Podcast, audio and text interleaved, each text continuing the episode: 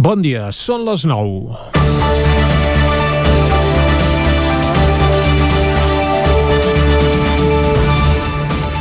Venim d'una campanya electoral monopolitzada pel coronavirus i el procés independentista. Després han arribat les mobilitzacions per l'empresonament de Pablo Hasél i ahir va esclatar de nou el Barça Gate i això ha fet que al marge n'hagin quedat molts altres aspectes i avui, per arrencar Territori 17, volem centrar-nos precisament en la llengua. La recuperació de la democràcia espanyola és evident que no s'ha traduït mai en un ple reconeixement dels drets lingüístics de Catalunya i la resta dels països catalans. I malgrat la tossuda i aferrissada defensa del català que s'ha fet tant des de les institu institucions com des de l'àmbit ciutadà, els constants embats de l'Estat han acabat comportant un cost molt negatiu. Ho constata el darrer informe de la Plataforma per la Llengua amb una dada molt contundent. La meitat dels catalans del Principat s'han arribat a creure que el català, el mallorquí i el valencià són idiomes diferents. Una bajanada com un temple. Aquest estat d'opinió, però, juntament amb les constants agressions judicials per boicotejar l'ús de la llengua, fan que l'informe de la plataforma arribi a la conclusió que ens trobem en una situació d'emergència lingüística. O el que és el mateix, el català està en perill d'extinció. Actualment, segons aquest mateix informe de la plataforma, el 34,3% dels catalans del Principat tenen el català com a primera llengua, la xifra més alta dels últims 15 anys. El català també és la llengua vehicular a les institucions, a l'ensenyament i als mitjans públics, però paral·lelament a aquesta realitat que alguns partits i mitjans de comunicació espanyols tendeixen a criticar i fins i tot a criminalitzar, n'hi ha una altra. L'oferta cultural en català és minsa. Els cinemes i noves plataformes digitals digitals, per exemple, és gairebé inexistent. I l'atenció ciutadana a les administracions d'àmbit estatal en català també és gairebé nula. Aquí, com en d'altres àmbits, l'administració de justícia és qui s'emporta la pitjor part. Si visquéssim en un estat veritablement respectuós amb les llibertats que entengués la diversitat lingüística com un element enriquidor i no pas com una amenaça al dret de conquesta, potser tot seria diferent, però de moment aquest no és el cas. Ni s'han planejat mai que el català sigui cooficial a tot l'Estat, ni que sigui present a la Unió Europea i sovint ni tan sols respecten la cooficialitat a la mateixa Catalunya. Davant d'aquest panorama només queden dues opcions. La primera depèn només del 34,3% de catalans que fem servir habitualment el català. Cal que el fem servir sempre, per adreçar-nos a tothom, sigui blanc, negre, gris o lila, per respecte, perquè adreçar-se en castellà a algú que per la seva aparença sembla que vingui de fora és tractar-lo directament de ruc, com si el català només estigués a l'abast de la gent que calça barretina. Parlar en castellà a un desconegut no és un tema d'educació, sinó de ciutadà acomplexat. Cal tenir-ho ben clar. I la segona, si l'Estat no ens ajuda a salvar la nostra llengua, serà qüestió de seguir treballant per fer-ne un de propi d'estat. I és que en ple segle XXI, una llengua sense, sense estructures d'estat al darrere, i més si aquest estat és l'espanyol, té les hores comptades. Comencem Territori 17, a la sintonia del 9 FM, la veu de Sant Joan, Ona Codinenca, Ràdio Cardedeu i el 9 TV. Territori 17, amb Vicenç Vigues i Jordi Sunyer. Són les 9 i 3 minuts i mig d'avui dimarts, dia 2 de març de 2021. Comença aquí un nou Territori 17 que avui, com sempre, durant la primera hora us acostarà tota l'actualitat de les nostres comarques. Després, a partir de les 10, un nou butlletí informatiu i les seccions habituals dels dimarts. Avui, per exemple, tindrem el Buscat la Vida amb la Txela Falgueres, parlarem d'economia amb en Joan Carles Arredondo i acabarem fent un balanç meteorològic del mes de febrer amb el meteoròleg Manel Dot. Tot això i moltes coses més des d'ara mateix i fins al punt de les 12.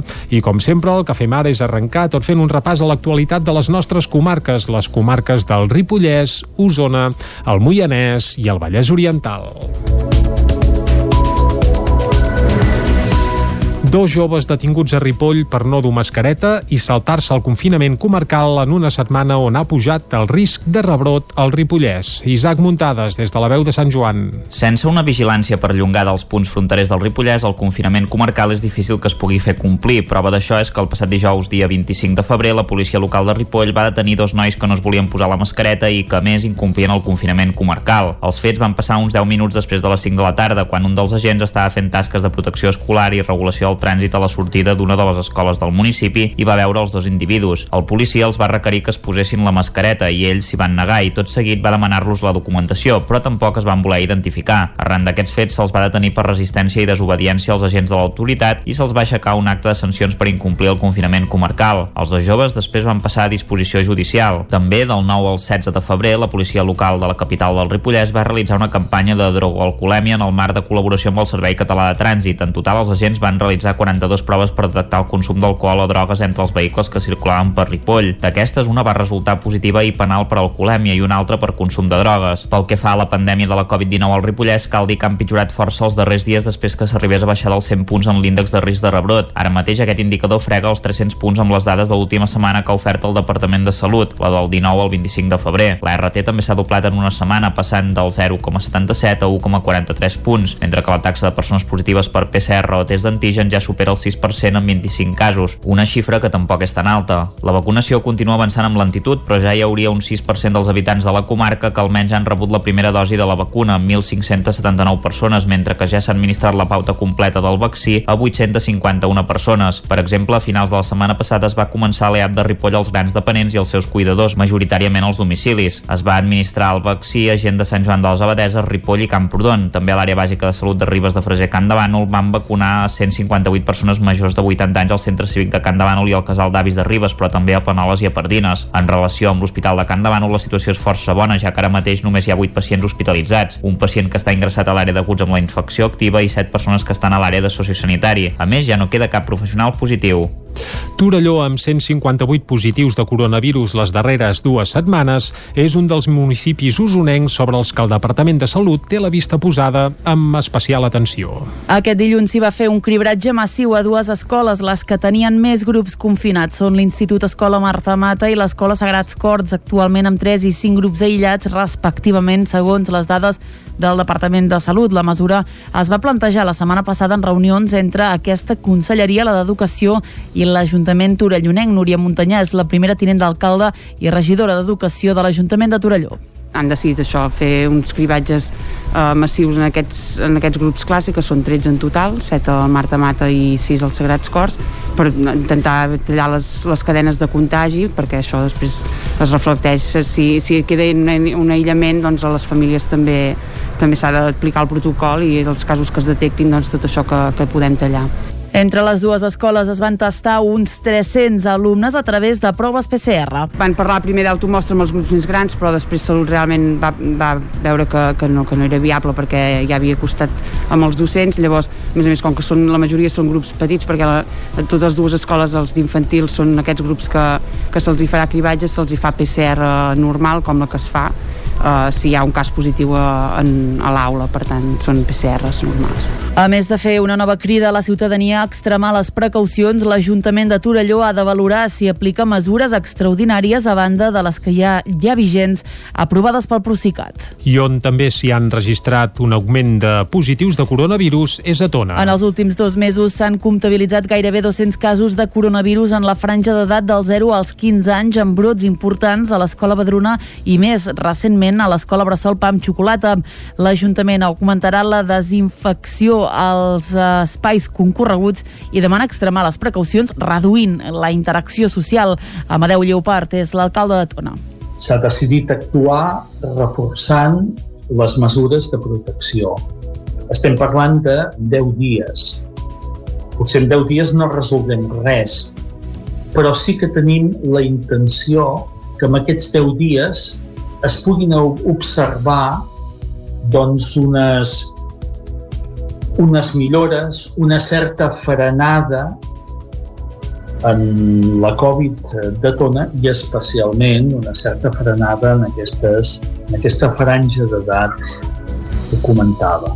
A més a més, l'Ajuntament de Tona també recomana no fer ús dels parcs.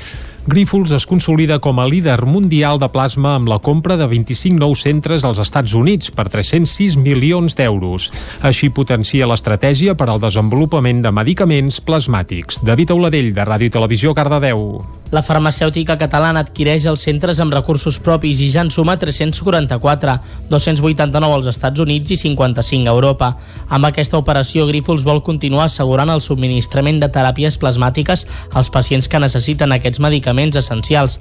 La farmacèutica assegura que manté el compromís de seguir augmentant la disponibilitat de productes plasmàtics per satisfer una demanda creixent. Segons expliquen en un comunicat, la pandèmia ha tingut un impacte del 15% en el seu subministrament net de plasma i l'empresa està preparada per un creixement significatiu dels nivells de plasma el 2021 a mesura que avança la vacunació i disminueix les restriccions de Covid-19. En aquest sentit, Grífols preveu obrir entre 15 i 20 nous centres de plasma aquest any, la majoria a Egipte, després de l'aliança signada amb el govern del país el passat mes de novembre, un acord milionari per arribar a l'Orient Mitjà i Àfrica que permetrà obtenir 600.000 litres de plasma a l'any i reforçar el seu lideratge mundial en aquest sector. Els medicaments derivats del plasma s'utilitzen per tractar o prevenir trastorns o malalties greus en àrees com la pneumologia, l'hematologia, la immunologia i la neurologia.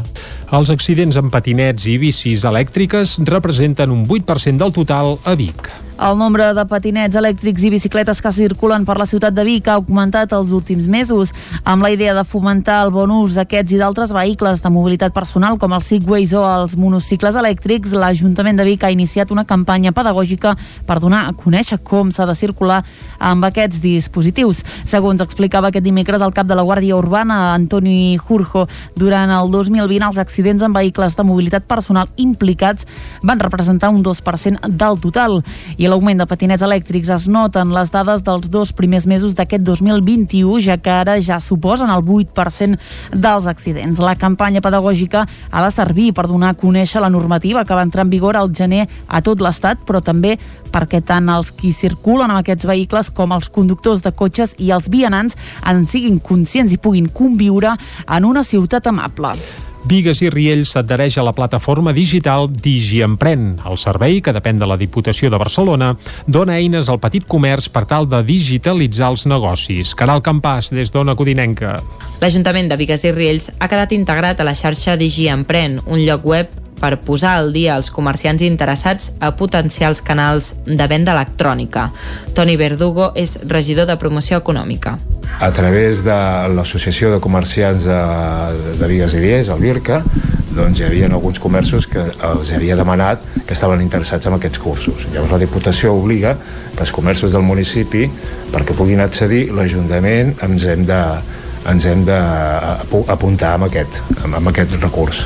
Per tal de beneficiar-se del contingut de Digi Empren, només cal registrar-s'hi. La plataforma és un lloc web per estar al dia, com dèiem, dels temes relacionats amb el comerç en línia. Aquí eh, els comerços de, eh, dels pobles de la, de la província de Barcelona poden disfrutar de cursos online, eh, miniguies, que són petits tutorials que els explicarà com crear un negoci online o bé com eh, transformar el seu negoci tradicional en un negoci digital. Aquest canal formatiu de la Diputació de Barcelona ofereix formació telemàtica gratuïta a les persones que tinguin un negoci a peu de carrer i vulguin obrir i potenciar un negoci digital. També està pensada per professionals de l'artesania i el disseny que vulguin comercialitzar via electrònica. Punt i final al Trufòrum 2021 que s'ha fet durant la darrera setmana a Vic de forma virtual. Des de l'organització es confirmen pràcticament 1.500 visites a les diferents propostes que s'han anat publicant al web del Trufòrum des del passat dilluns. Aquest any la fira havia donat especial protagonisme a la gastronomia i aquest diumenge es feia un debat sobre l'ús excel·lent i responsable de la tòfona a la restauració amb la participació del cuiner del restaurant Arca de Santa Eugènia i president també també d'Osona Cuina, Jordi Arumí. Dissabte a la tarda es va fer una sessió dedicada a introduir la tòfona entre els més petits amb receptes d'Oriol Sala del Gravat i Josep Lluís Mitjans, pastisser de l'Escola d'Hostaleria d'Osona. Des de l'oficina de Fires i Mercats, el regidor Titi Roca assegurava que ja treballen en el Mercat del Ram amb la idea que pugui guanyar presencialitat. Som de les poques ciutats que hem apostat per poder buscar manera de poder desenvolupar diferents fires, sigui de manera virtual perquè no hi pugui haver presencialitat, però a mesura que es pugui que hi hagi presencialitat, doncs poder gaudir d'aquestes fires. No?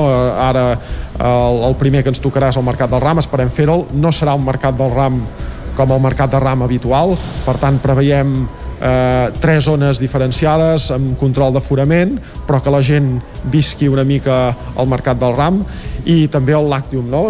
D'entrada al mercat del RAM 2021 està previst entre el 26 i el 28 de març entre el recinte firal del Sucre i el Parc Jaume Balmes. Totes les activitats i mostres, com deia Titi Roca, seran a l'aire lliure amb control d'aforament i adoptant totes les mesures de seguretat i sanitat que requereixi el moment.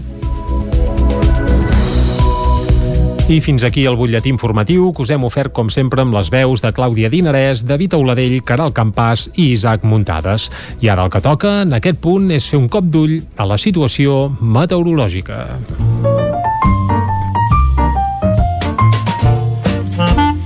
Casa Terradellos us ofereix el temps. Doncs vinga, el dia se'ns ha llevat tapadot avui a tot el territori 17 i no sabem si això acabarà amb pluja o no. Segur que ens ho aclareix, com sempre, en Pep Acosta, qui saludem ara mateix. Pep, molt bon dia. Hola, què tal? Bé, anem molt bon dia a tothom. Bon dia, bon dia. Benvinguts a l'Espai del Temps. Gràcies, gràcies. Un espai del temps on tenim l'anticicló Mhm. ferm al centre d'Europa. Eh, gairebé no plou en lloc d'Europa, per tant ja us podeu imaginar com és de gran i de potent aquest anticicló que tenim, com deia ben bé, instal·lat al centre d'Europa. A nosaltres que ens està portant?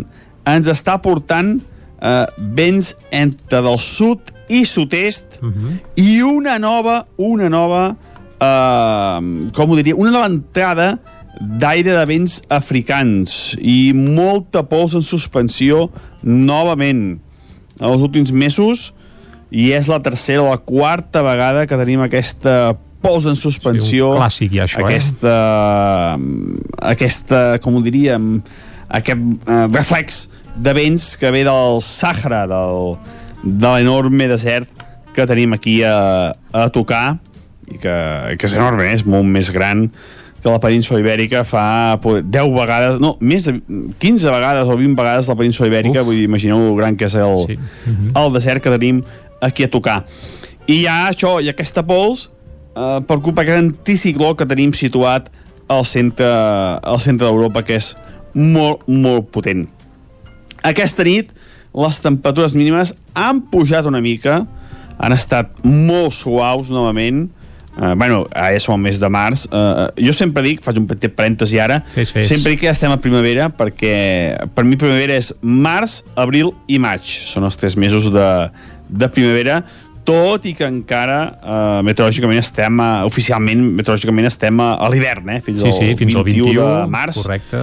no canviarem d'estació però bueno, les temperatures mínimes força altes, només ha glaçat a molt alta muntanya Uh, per sobre els 5 graus al prelitoral i a interior entre els 3, 4, 5 graus de mínima. Mm, Temperatures una mica per sobre, mica sobre del que seria normal. Mm, I, eh, I com deia, hi ha bastants núvols, bastants núvols baixos, eh, mala visibilitat, i això és la, la tònica de tot el dia d'avui.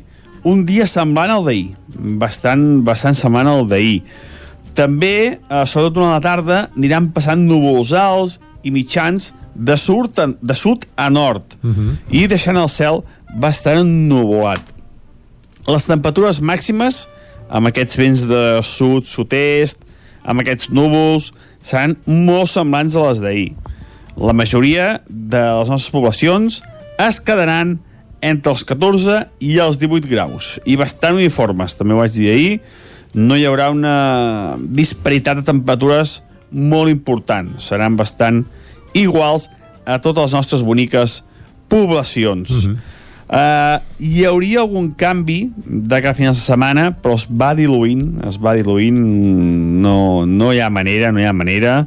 Ahir era més optimista, avui soc molt més pessimista perquè el canvi que es començava a dibuixar no es veu per enlloc, i l'anticicló continua ferm bastants dies. I continuarem això amb aquest eh, enviament de vents del sud-sud-est, amb pols en suspensió, mala visibilitat mm, i unes temperatures força suaus, eh?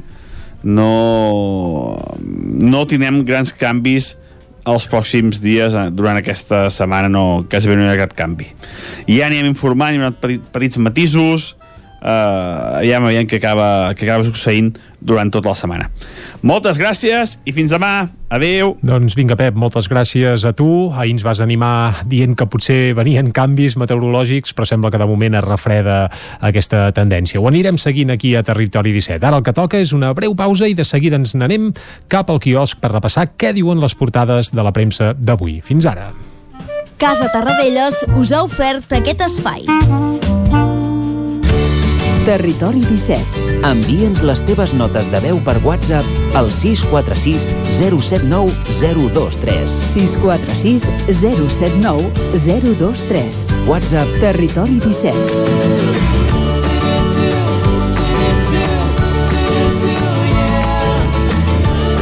Territori 17. Som a Facebook, Twitter i Instagram amb l'usuari Territori 17.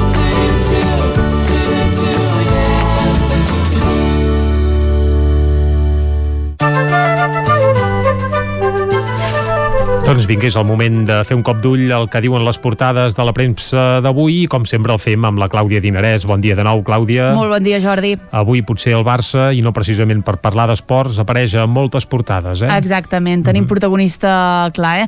Uh, comencem, si us sembla, amb el punt avui que diu sense aturador, la Fiscalia es querella contra Torrent, que és l'altre protagonista del dia, Mhm. i tres membres de la mesa del Parlament. El Suprem ara demana al Tribunal de Comptes un informe sobre els presos. A la imatge, Bartomeu detingut pel Barça Gate. Els Mossos escorcollen les oficines del Barça i arresten l'expresident, el seu assessor, el conseller delegat i el responsable dels serveis jurídics del club. Josep Maria Bartomeu passa la nit custodiat als calabossos de la comissaria dels Mossos de les Corts. També hi ha un tercer protagonista que és Sarkozy, diu 3 anys per Sarkozy per corrupció. En tornarem a parlar uh, d'aquí a uns moments. D'entrada anem al diari Ara, que diu el Barça Gate i Roma en plena campanya. Bartomeu, detingut amb els seus tres executius de confiança, passa la nit a comissaria. L'expresident del Club Blaugrana fa front a acusacions de corrupció i administració deslleial. A la imatge, Sarkozy condemnat a 3 anys de presó la Fiscalia es querella contra la mesa del Parlament i el moviment anarquista rere els aldarulls per Hassel. El periòdico Interior assenyala anarquistes italians per la violència. La Generalitat i l'Ajuntament mostren unitat davant dels aldarulls mentre el Cercle d'Economia insisteix a reclamar un govern que no titubegi davant del vandalisme. La Fiscalia es querella contra Torrent, canviem de tema, per desobeir el Constitucional i a la imatge, com no podia ser d'altra manera, Bartomeu detingut. L'expresident del Futbol Club Barcelona passa la nit al calabós després de diversos registres policials a la seu del club en el marc del Barça Gate. Una última notícia i anem a l'avantguàrdia. Els radars de trànsit entren per primer cop a Barcelona. Ara sí, a l'avantguàrdia detinguts Bartomeu i tres càrrecs més pel Barça Gate. La jutgessa investiga un contracte a una empresa per desprestigiar els desefectes a les xarxes. A la- l'altra imatge de la portada veiem a Bartomeu i també veiem a Sarkozy, 3 anys de presó per Sarkozy. Uh, anem a política espanyola. Calviño avança una dada d'atur dolenta al febrer i la tercera onada, diu, entra en fase de control a la major part d'Espanya. Madrid, Ceuta i Melilla són les úniques comunitats en alerta extrema.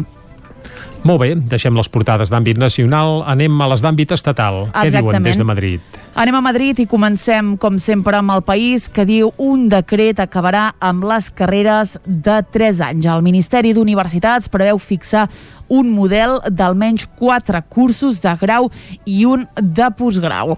El govern admet ara la dificultat de fer front a la violència. Anem a França perquè el país diu la justícia francesa condemna a Sarkozy per corrupció.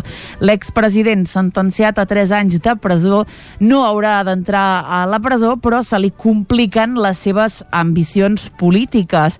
Anem directament al Mundo, que diu el dictamen que Sánchez va amagar censura el descontrol dels fons. A la imatge, el Barça Gate precipita la detenció de Bartomeu i de tota la seva cúpula. Anem avançant, anem a la raó que diu investiguen si Bartomeu va desviar diners de contractes del Barça. Els Mossos d'Esquadra rastregen els fons que es van utilitzar per campanyes de difamació del Barça Gate. Jordi, ja ho veus, és el clar, sí, sí, el protagonista. clar protagonista, evidentment, de és una les mica, portades. Avui fer aquest repàs és un punt repetitiu, però bé, uh, és ja notícia. passa, a vegades passa, quan esclata una bomba com la que va esclatar ahir a mig matí, doncs és el que té. Sí, sí. Exactament. En fi, continuem, érem a, a la Razón, que diu Gènova es talla contra Aznar i el vincula a la Caixa B i Mercadona reparteix entre els seus empleats 409 milions d'euros en primes. Acabem amb l'ABC, com sempre, que avui obre amb un titular que fa referència al Partit Socialista, que diu desmunta la coartada d'Avalos. Dos punts. No dona diners en metàl·lic. L'oposició exigeix la seva compareixença urgent i diferents ministres subratllen que portar sobres amb bitllets és absolutament anormal.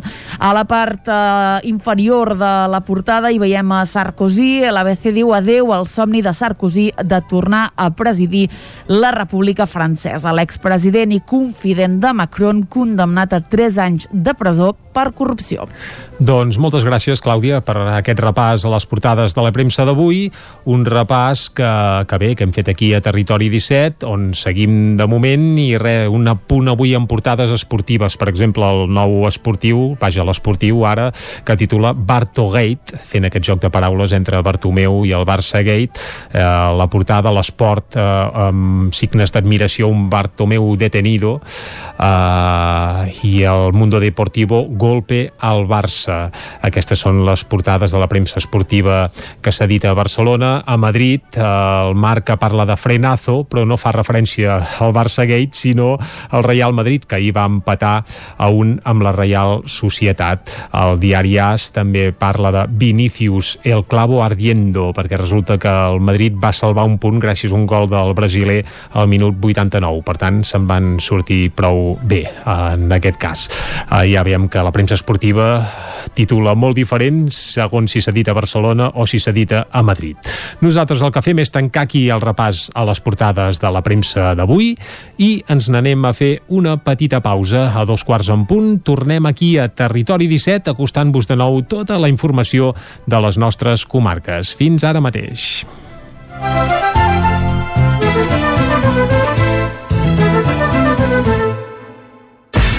El nou FM, la ràdio de casa, al 92.8.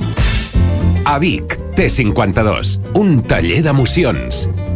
Una celebració, un reconeixement, un record, la victòria, el premi. Tenim una solució personalitzada per a cada ocasió. Ens trobaràs al centre, al carrer 941 i també a l'Horta Vermella, al carrer Menéndez Pelayo 31. Més informació a t52.cat. Anuncia't al 9 FM. La màquina de casa. 9 3 8 8 9 4 9 4 9. Publicitat arroba al 9fm.cat. Anuncia't al 9 FM. La publicitat més eficaç. El 9 FM. Cocodril Club. Si t'agrada la bona música dels anys 60, 70 i 80, escolta el 9 FM als matins de dissabtes i diumenges d'11 a 1. És el temps del Cocodril Club, tot un clàssic de la ràdio, amb les bases del pop-rock, les llegendes, les cançons que s'han convertit en autèntics himnes. Recorda, dissabtes i diumenges al matí, d'11 a 1, al 9 FM 92.8. Cocodril Club, el programa revival de l'Albert Malla. Hasta luego, cocodrilo. Cobertes serveis funeraris. Els nostres tanatoris estan ubicats en els nuclis urbans més poblats de la comarca d'Osona per oferir un millor servei. Tanatori de Vic, Tanatori de Manlleu, Tanatori de Centelles i Tanatori de Roda de Ter. Sabem que són moments difícils i per això el nostre compromís és atendre-us en tot moment amb un tracte humà, sensible i respectuós. Cobertes serveis funeraris. Telèfon 24 hores 93 883 23 46. Això és el que s'escolta al voltant d'una caldera saunia d'Oval. Tranquilitat i benestar, perquè gaudeix del millor manteniment del servei tècnic oficial per estar despreocupat.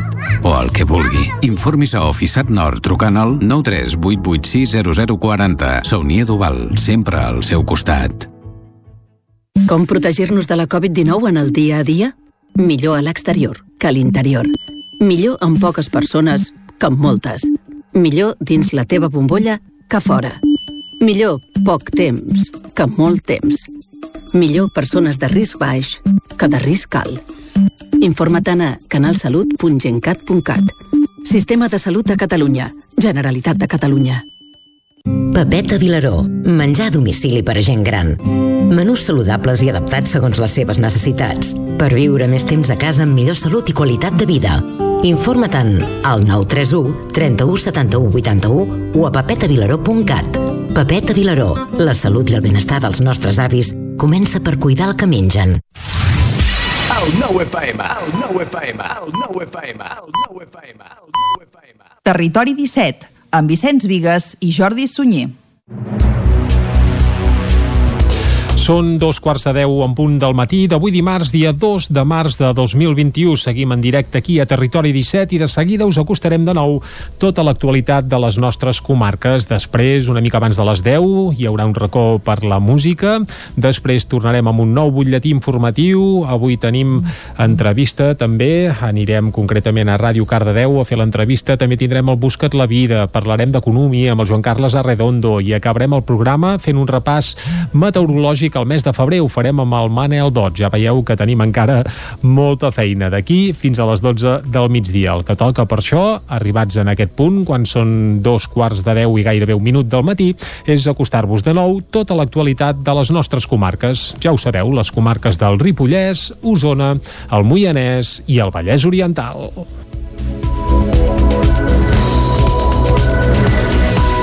Dos joves detinguts a Ripoll per no dur mascareta i saltar-se el confinament comarcal en una setmana on ha pujat el risc de rebrot al Ripollès. Isaac Muntades, des de la veu de Sant Joan. Sense una vigilància perllongada als punts fronterers del Ripollès, el confinament comarcal és difícil que es pugui fer complir. Prova d'això és que el passat dijous, dia 25 de febrer, la policia local de Ripoll va detenir dos nois que no es volien posar la mascareta i que, més, incomplien el confinament comarcal. Els fets van passar uns 10 minuts després de les 5 de la tarda, quan un dels agents estava fent tasques de protecció escolar i regulació del trànsit a la sortida d'una de les escoles del municipi i va veure els dos individus. El policia els va requerir que es posessin la mascareta i ells s'hi van negar i tot seguit va demanar-los la documentació, però tampoc es van voler identificar. Arran d'aquests fets se'ls va detenir per resistència i desobediència als agents de l'autoritat i se'ls va aixecar un acte de sancions per incomplir el confinament comarcal. Els dos joves després van passar a disposició judicial. També del 9 al 16 de febrer la policia local de la capital del Ripollès va realitzar una campanya de drogoalcolèmia en el marc de col·laboració amb el Servei Català de Trànsit. En total els agents van realitzar 42 proves per detectar el consum d'alcohol o drogues entre els vehicles que circulaven per Ripoll. D'aquestes, una va resultar positiva i penal per alcoholèmia i una altra per consum de drogues. Pel que fa a la pandèmia de la Covid-19 al Ripollès, cal dir que han pitjorat força els darrers dies després que s'arribés a baixar dels 100 punts en l'índex de risc de rebrot. Ara mateix aquest indicador frega els 300 punts amb les dades de l'última setmana que ha ofert el Departament de Salut, la del 19 al 25 de febrer. La RT també s'ha doblat en una setmana, passant del 0,77 a 1,43 punts, mentre que la taxa de persones positives per PCR o test d'antigen ja supera el 6% en 25 casos, una xifra que tampoc és tan alta. La vacunació continua avançant amb lentitud, però ja hi hauria un 6% dels habitants de la comarca que almenys han rebut la primera dosi de la vacuna, 1.579 persones, mentre que ja s'ha administrat la pauta completa del vaccí a 851 persones. Per exemple, a finals de la setmana passada es va començar l'EAP de Ripoll als grans dependents i els seus cuidadors, majoritàriament als domicilis. Es va administrar el vaccí a gent de Sant Joan de les Abadeses, Ripoll i Camprodon. També a l'àrea bàsica de salut de Ribes de Freser Can de Bànol van vacunar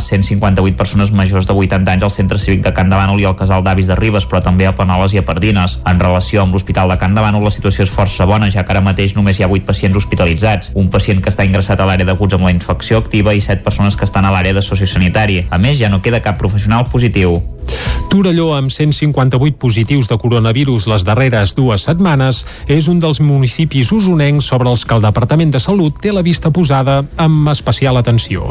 Aquest dilluns s'hi va fer un cribratge massiu a dues escoles, les que tenien més grups confinats. Són l'Institut Escola Marta Mata i l'Escola Sagrats Corts, actualment amb 3 i 5 grups aïllats, respectivament, segons les dades del Departament de Salut. La mesura es va plantejar la setmana passada en reunions entre aquesta conselleria, la d'Educació l'Ajuntament Torellonenc. Núria Muntanyà és la primera tinent d'alcalde i regidora d'Educació de l'Ajuntament de Torelló han decidit això, fer uns cribatges eh, massius en aquests, en aquests grups clàssics, que són 13 en total, 7 al Marta Mata i 6 als Sagrats Cors, per intentar tallar les, les cadenes de contagi, perquè això després es reflecteix, si, si queda un, un aïllament, doncs a les famílies també també s'ha d'aplicar el protocol i els casos que es detectin, doncs tot això que, que podem tallar.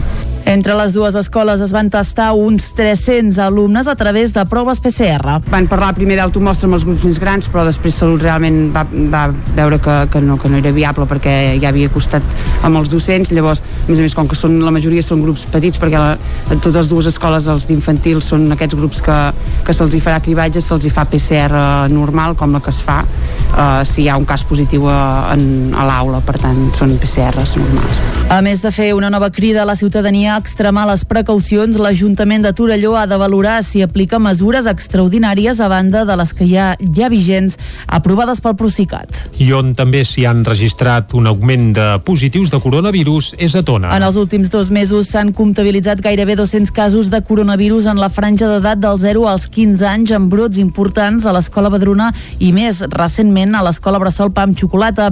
L'Ajuntament augmentarà la desinfecció als espais concorreguts i demana extremar les precaucions reduint la interacció social. Amadeu Lleopart és l'alcalde de Tona. S'ha decidit actuar reforçant les mesures de protecció.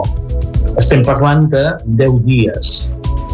Potser en 10 dies no resolvem res, però sí que tenim la intenció que en aquests 10 dies es puguin observar doncs unes unes millores, una certa frenada en la Covid de Tona i especialment una certa frenada en, aquestes, en aquesta franja d'edats que comentava. A més a més, l'Ajuntament de Tona també recomana no fer ús dels parcs. Grífols es consolida com a líder mundial de plasma amb la compra de 25 nous centres als Estats Units per 306 milions d'euros. Així potencia l'estratègia per al desenvolupament de medicaments plasmàtics. David Auladell, de Ràdio i Televisió, Cardedeu. La farmacèutica catalana adquireix els centres amb recursos propis i ja en suma 344, 289 als Estats Units i 55 a Europa. Amb aquesta operació, Grífols vol continuar assegurant el subministrament de teràpies plasmàtiques als pacients que necessiten aquests medicaments medicaments essencials. La farmacèutica assegura que manté el compromís de seguir augmentant la disponibilitat de productes plasmàtics per satisfer una demanda creixent. Segons expliquen en un comunicat, la pandèmia ha tingut un impacte del 15% en el seu subministrament net de plasma i l'empresa està preparada per un creixement significatiu dels nivells de plasma el 2021 a mesura que avança la vacunació i disminueix les restriccions de Covid-19. En aquest sentit, Grífols preveu obrir entre 15 i 20 nous centres de plasma aquest any, la majoria a Egipte, després de l'aliança signada signada amb el govern del país el passat mes de novembre, un acord milionari per arribar a l'Orient Mitjà i Àfrica que permetrà obtenir 600.000 litres de plasma a l'any i reforçar el seu lideratge mundial en aquest sector. Els medicaments derivats del plasma s'utilitzen per tractar o prevenir trastorns o malalties greus en àrees com la pneumologia, l'hematologia, la immunologia i la neurologia. Els accidents amb patinets i bicis elèctriques representen un 8% del total a Vic. El nombre de patinets elèctrics i bicicletes que circulen per la ciutat de Vic ha augmentat els últims mesos, amb la idea de fomentar el bon ús d'aquests i d'altres vehicles de mobilitat personal com els Segways o els monocicles elèctrics. L'Ajuntament de Vic ha iniciat una campanya pedagògica per donar a conèixer com s'ha de circular amb aquests dispositius. Segons explicava aquest dimecres el cap de la Guàrdia Urbana, Antoni Jurjo, durant el 2020 els accidents amb vehicles de mobilitat personal implicats van representar un 2% del total i l'augment de patinets elèctrics es nota en les dades dels dos primers mesos d'aquest 2021, ja que ara ja suposen el 8% dels accidents. La campanya pedagògica ha de servir per donar a conèixer la normativa que va entrar en vigor al gener a tot l'Estat, però també perquè tant els qui circulen amb aquests vehicles com els conductors de cotxes i els vianants en siguin conscients i puguin conviure en una ciutat amable. Vigues i Riells s'adhereix a la plataforma digital DigiEmpren. El servei, que depèn de la Diputació de Barcelona, dona eines al petit comerç per tal de digitalitzar els negocis. Caral Campàs, des d'Ona Codinenca. L'Ajuntament de Vigues i Riells ha quedat integrat a la xarxa DigiEmpren, un lloc web per posar al dia els comerciants interessats a potencials canals de venda electrònica. Toni Verdugo és regidor de promoció econòmica.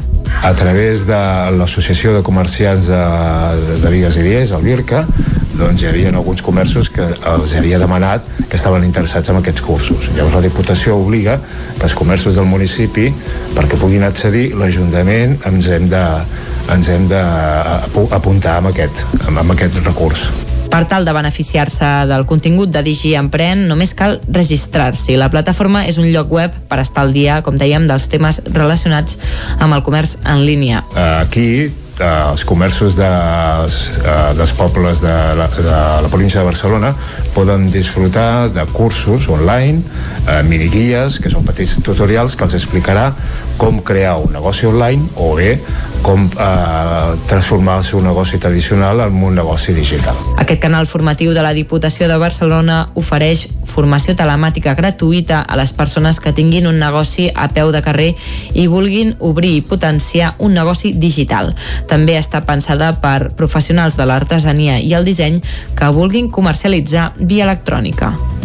Punt i final al Trufòrum 2021 que s'ha fet durant la darrera setmana a Vic de forma virtual. Des de l'organització es confirmen pràcticament 1.500 visites a les diferents propostes que s'han anat publicant al web del Trufòrum des del passat dilluns.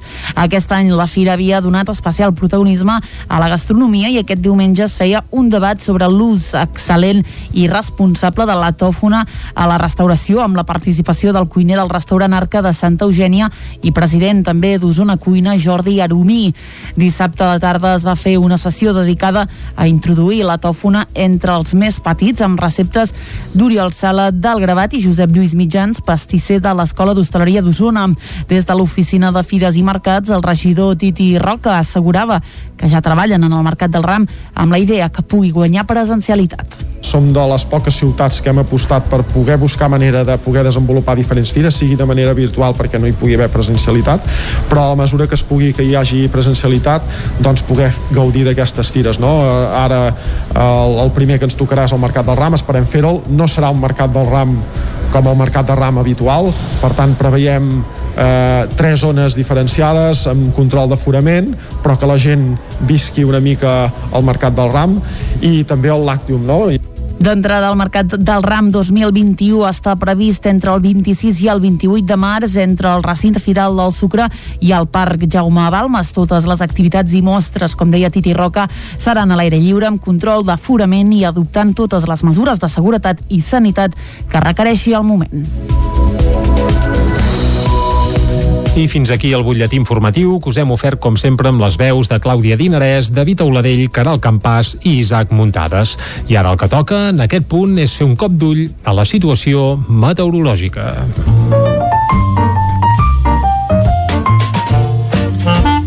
Casa Terradellos us ofereix el temps.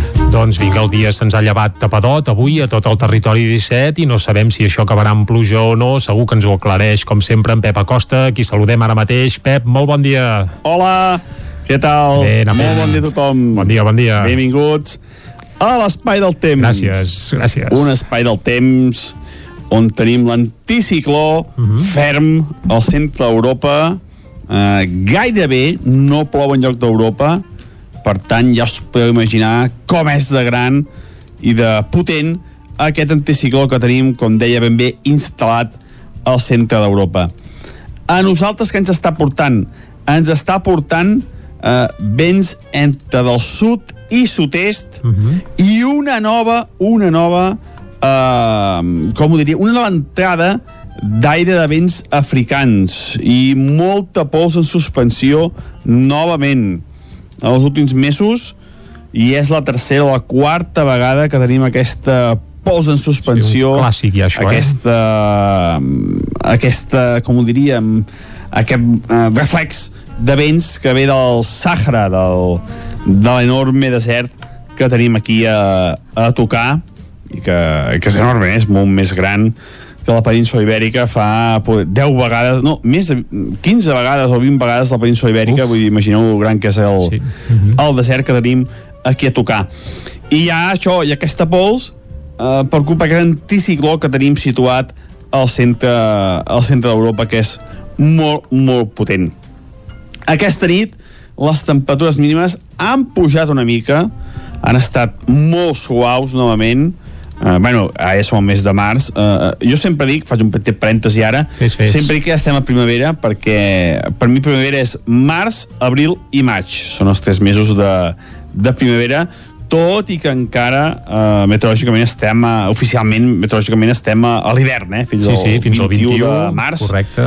no canviarem d'estació però bueno, les temperatures mínimes força altes, només ha glaçat a molt alta muntanya eh, per sobre els 5 graus al prelitoral i a interior entre els 3, 4, 5 graus de mínima Mm, temperatures una mica per sobre, mica sobre del que seria normal. Mm, I, eh, I com deia, hi han bastants núvols, bastants núvols baixos, eh, mala visibilitat, i això és la, la tònica de tot el dia d'avui.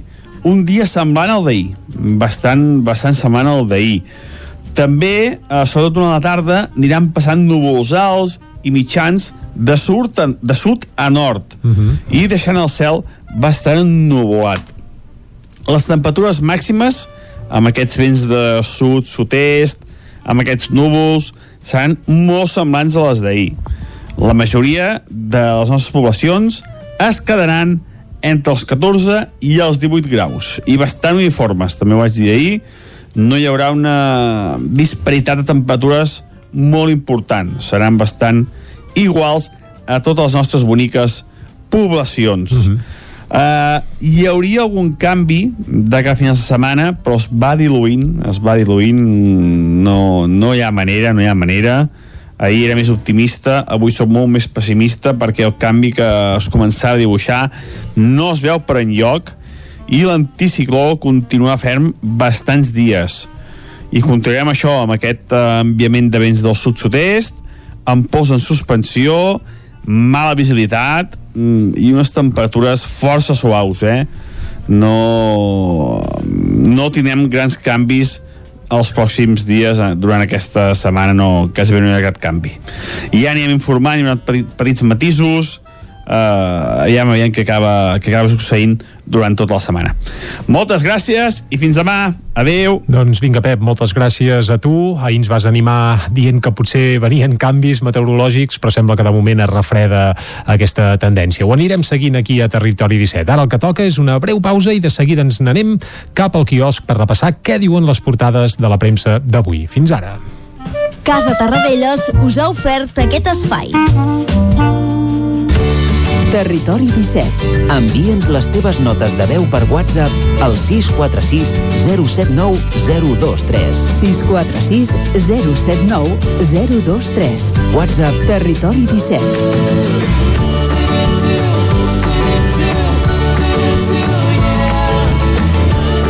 Territori 17. Som a Facebook, Twitter i Instagram amb l'usuari Territori 17.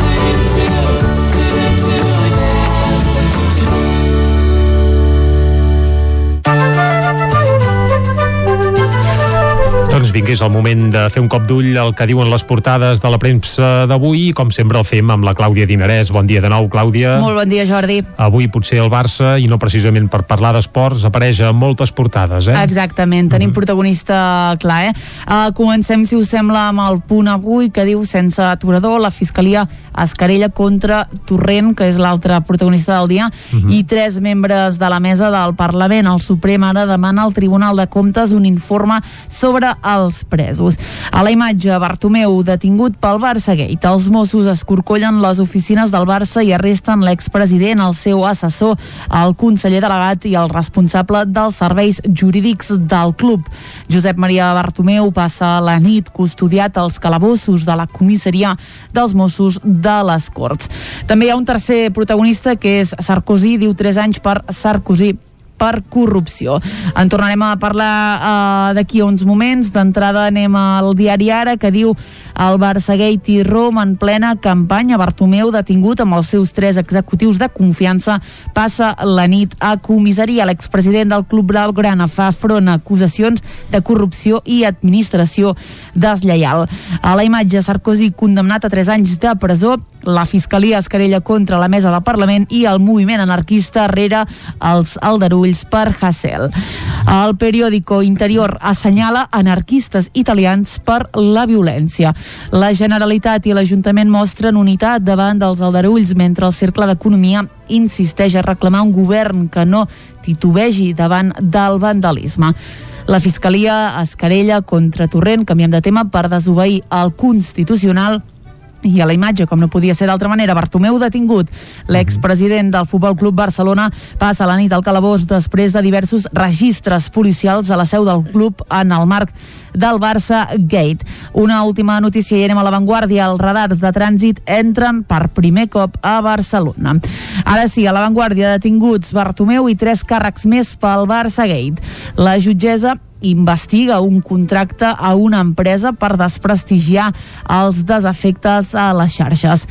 A l'altra la, imatge de la portada veiem a Bartomeu i també veiem a Sarkozy, 3 anys de presó per Sarkozy. Uh, anem a política espanyola. Calviño avança una dada d'atur dolenta al febrer i la tercera onada, diu, entra en fase de control a la major part d'Espanya. Madrid, Ceuta i Melilla són les úniques comunitats en alerta extrema.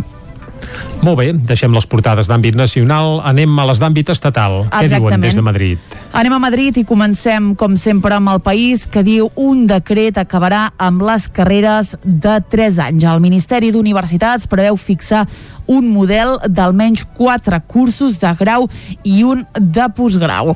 El govern admet ara la dificultat de fer front a la violència. Anem a França perquè el país diu la justícia francesa condemna a Sarkozy per corrupció. L'expresident sentenciat a 3 anys de presó no haurà d'entrar a la presó però se li compliquen les seves ambicions polítiques. Anem directament al Mundo, que diu el dictamen que Sánchez va amagar censura el descontrol dels fons. A la imatge, el Barça Gate precipita la detenció de Bartomeu i de tota la seva cúpula. Anem avançant, anem a la raó que diu investiguen si Bartomeu va desviar diners de contractes del Barça. Els Mossos d'Esquadra rastregen els fons que es van utilitzar per campanyes de difamació del Barça Gate. Jordi, ja ho veus, és el clar, sí, sí, el protagonista. clar protagonista, evidentment, de és una les mica, portades. Avui fer aquest repàs és un punt repetitiu, però bé, uh, ja passa, a vegades passa, quan esclata una bomba com la que va esclatar ahir a mig matí, doncs és el que té. Sí, sí. Exactament. En fi, continuem, érem a, a la Razón, que diu Gènova es talla contra Aznar i el vincula a la Caixa B i Mercadona reparteix entre els seus empleats 409 milions d'euros en primes. Acabem amb l'ABC, com sempre, que avui obre amb un titular que fa referència al Partit Socialista, que diu desmunta la quartada de valors. Dos punts. No dona diners en metàl·lic. L'oposició exigeix la seva compareixença urgent i diferents ministres subratllen que portar sobres amb bitllets és absolutament anormal. A la part eh, inferior de la portada hi veiem a Sarkozy, l'ABC diu adeu al somni de Sarkozy de tornar a presidir la República Francesa. L'expresident i confident de Macron condemnat a 3 anys de presó per corrupció. Doncs moltes gràcies, Clàudia, per aquest repàs a les portades de la premsa d'avui. Un repàs que, que bé, que hem fet aquí a Territori 17, on seguim de moment i res, un punt avui en portades esportives. Per exemple, el nou esportiu, vaja, l'esportiu ara, que titula Bartogate, fent aquest joc de paraules entre Bartomeu i el Barça Gate. Eh, la portada, l'esport, eh, amb signes d'admiració, un Bartomeu detenido, eh, i el Mundo Deportivo, golpe al Barça. Aquestes són les portades de la premsa esportiva que s'ha dit a Barcelona. A Madrid, eh, el Marca parla de frenazo, però no fa referència al Barça Gate, sinó al Real Madrid, que ahir va empatar a un amb la Real Societat. El diari AS també parla de Vinicius, el clavo ardiendo, perquè resulta que el Madrid va salvar un punt gràcies a un gol del brasiler al minut 89. Per tant, se'n van sortir prou bé en aquest cas. Eh, ja veiem que la premsa esportiva titula molt diferent segons si s'ha dit a Barcelona o si s'ha dit a Madrid. I bé, deixem el Barça Gate, deixem les portades i ara obrim pàgina musical. Cada dia, fins a arribar al punt de les 10, us acostem alguna... Bé, de vegades alguna novetat, de vegades ens n'anem cap al bagul dels records i aprofitar alguna efemèride per acostar-vos una mica de música. I avui, com fem sovint darrerament, recularem 30 anys. Recularem tres dècades perquè l'any 1991 va ser un any força fructífer, si més no a nivell nacional, una de les eh, bandes que aleshores, diguem que ho petava, eren els Banyolins Kitsch. L'any 1991 van treure el seu segon disc, que es deia Kitsch 2, a l'hora de batejar-lo no van ser gaire originals, però bé, és una pràctica que han anat fent pràcticament sempre perquè porten més d'una desena de discos i s'han anat titulant 1, 2, 3, 4, 5, 6, 7, 8, 9, 10. El 10 era un 10 que també anava per a Déu, però afortunadament no va ser la Déu, sinó que han anat eh, bé, obsequiant-nos amb noves joies, però això en parlarem de seguida. Ara el que farem és recordar una de les peces que hi havia en aquell Kids 2, concretament Art de Trair, segurament una, una de les que va fer més eh, fortuna. L'escoltem i després expliquem encara un parell de detalls més d'aquesta mítica banda banyolina. Art de Trair, de Kitsch.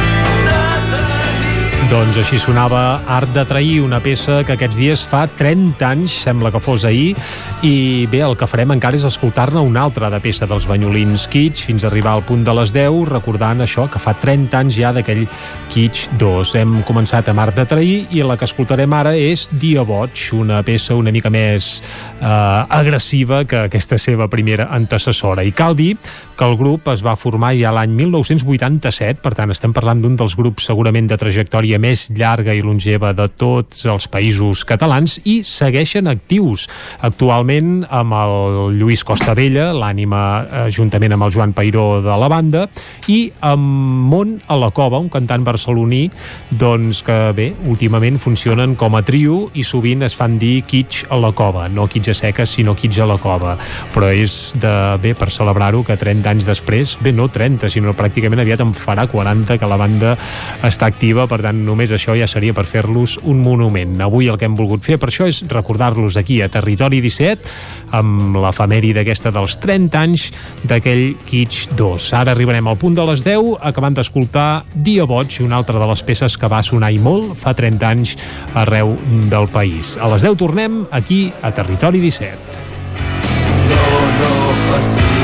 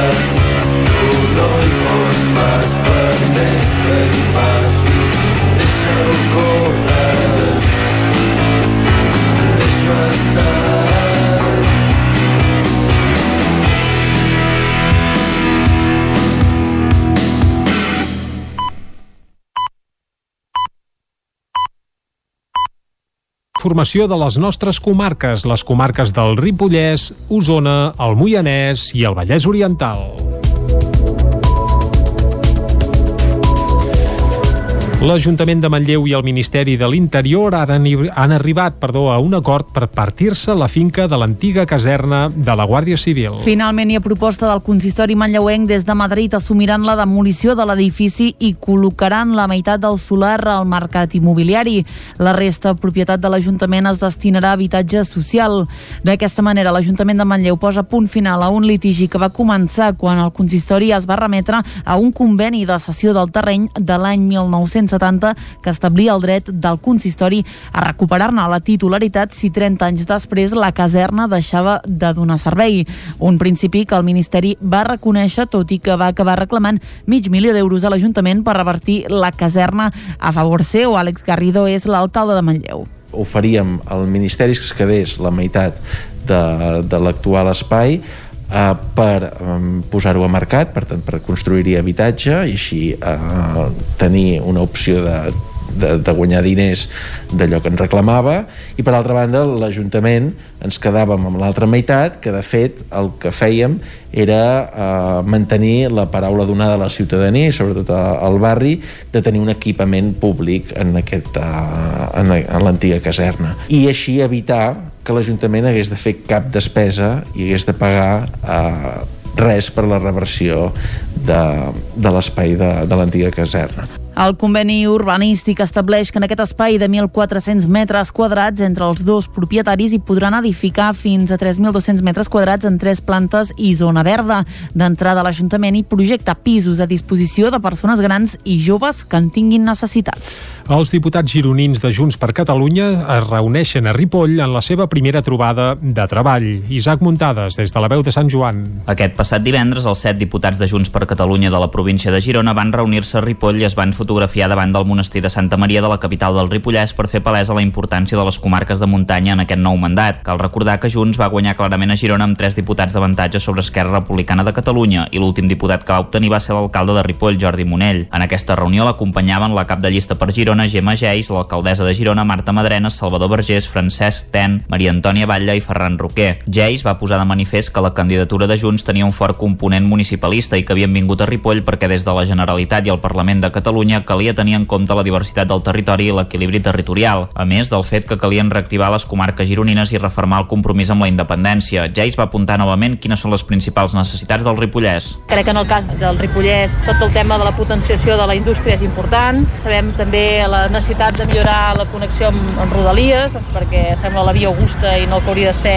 un servei de Rodalies del 2021. Tenim també el tema de Conforça, que nosaltres creiem que falta una inversió directa de la Generalitat per ajudar a reinvertir i a repensar el funcionament eh, perquè té capacitats per fer-ho i per tant una mica aquestes són les tres eh, idees molt pinzellades respecte al, al Ripollès que a més a més és una comarca que ha patit unes mesures restrictives i severes que ha afectat a molts sectors i per tant fa falta que tingui un Parlament i un govern al seu costat. Monell va afegir que el nivell de vida d'un ciutadà del Ripollès ha de ser el mateix que el de l'àrea metropolitana i que per fer-ho cal millorar la C-17 perquè sigui una carretera fiable, la línia R3 i la xarxa telemàtica amb el 5G i la fibra òptica. L'alcalde de Ripoll va afegir que cal calen més ajudes pels sectors afectats per la pandèmia. Els governs compensen doncs, amb una retribució o una compensació equivalent doncs, a una part de la seva facturació. Aquí, doncs, malauradament, hem vist que el govern espanyol no ha mobilitzat cap dels recursos en forma de liquidesa que han rebut des de la Unió Europea. I, per tant, aquí també hem de reclamar a, la, a les Generalitats que està exigint que actuï com un estat, però realment qui té, qui té les competències d'estat i qui ha rebut els diners d'Europa no és la Generalitat, és el govern estatal. Monell va dir que l'estat espanyol, més enllà d'alguna suspensió del pagament dels autònoms ha continuat recaptant l'impost de societats, l'IRPF, i no ha donat liquiditat a les empreses. L'alcalde Ripollès va apuntar que si fossin un país independent podrien gestionar els fons Next Generation de la Unió Europea, els quals ara el gestionen des de l'estat espanyol. La policia local de Manlleu comissa tres gossos de raça potencialment perillosa. En un comunicat expliquen que ja havien intentat comissar aquests animals en altres ocasions, però que els propietaris dels gossos, quan arribava la policia, els tancaven en una de les cases ocupades de què disposen i això impedir el comís dels animals. Finalment, la policia va sol·licitar un ordre d'entrada al domicili al jutjat contenciós de Barcelona, el qual va autoritzar la seva entrada amb la finalitat de comissar els gossos. Va ser el passat dimarts quan agents de la policia local de Manlleu van comissar els animals que es troben en bon estat i dipositats en una protectora de Barcelona. Els agents recorden que les persones propietàries de gossos potencialment perillosos han de complir quatre requisits. Tenir la llicència municipal en vigor, portar l'animal amb corretja i morrió, ser major de 16 anys i no dur més d'un gos perillós per persona. En el cas d'aquests tres animals comissats, les persones propietàries infringien aquesta normativa i havien estat denunciades en repetides ocasions per portar els animals deslligats sense morrió i no tenir la documentació en regla. Una nova concentració per demanar l'alliberament de Pablo Hasél va tornar a recórrer aquest dissabte als carrers de Vic. Els carrers fins a tombar el règim és el lema que va encapçalar la manifestació que aquest dissabte a la tarda va tornar a lluir pels carrers de Vic. Convocats pel col·lectiu antifeixistes de Vic, el CDR, Arran i La Forja, poc més d'un centenar de persones van tornar a demanar la llibertat de Pablo Hasél i de totes les persones que han estat detingudes en les protestes que hi ha hagut des del seu empresonament. La marxa va començar a la plaça de la Noguera i va recórrer diferents punts de la ciutat com la Seu d'Hisenda i la comissaria de la Policia Nacional on tanques del cos barraven el pas als manifestants. En aquest punt i via Telegram el CDR va desconvocar la manifestació tot i que els manifestants van optar per continuar el recorregut fins a la comissaria dels Mossos d'Esquadra custodiada per un fort cordó policial.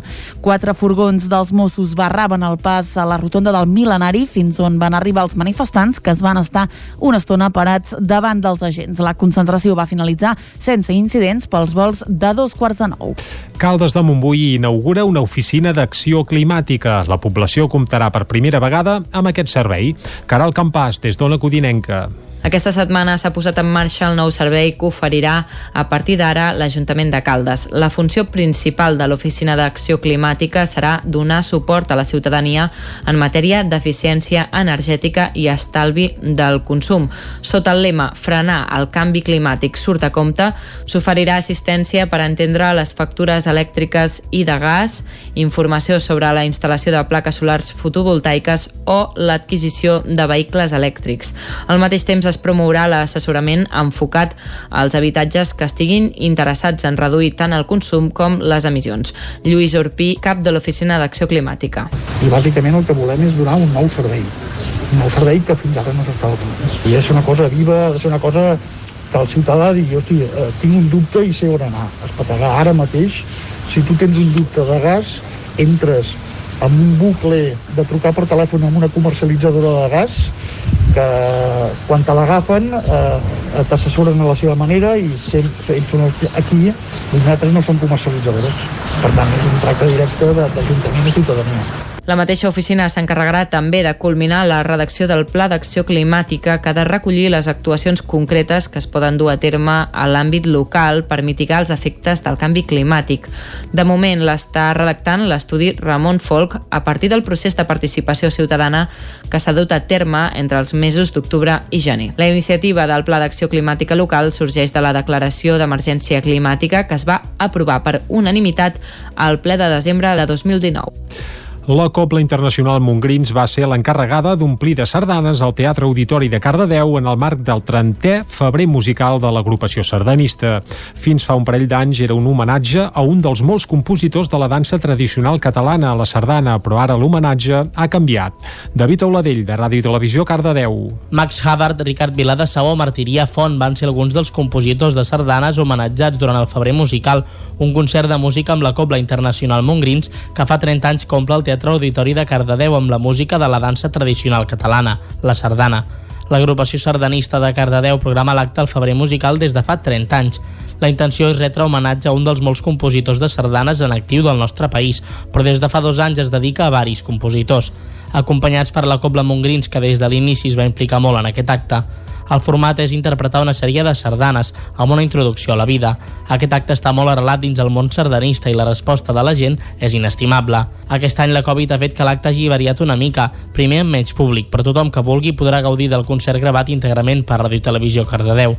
En aquesta edició, els 12 músics de la Cobla Montgrins van interpretar el seguit de sardanes sota la batuta de Jordi Molina i va acabar amb la sardana de Girona m'enamora i la Santa Espina que va fer posar el públic d'en peus.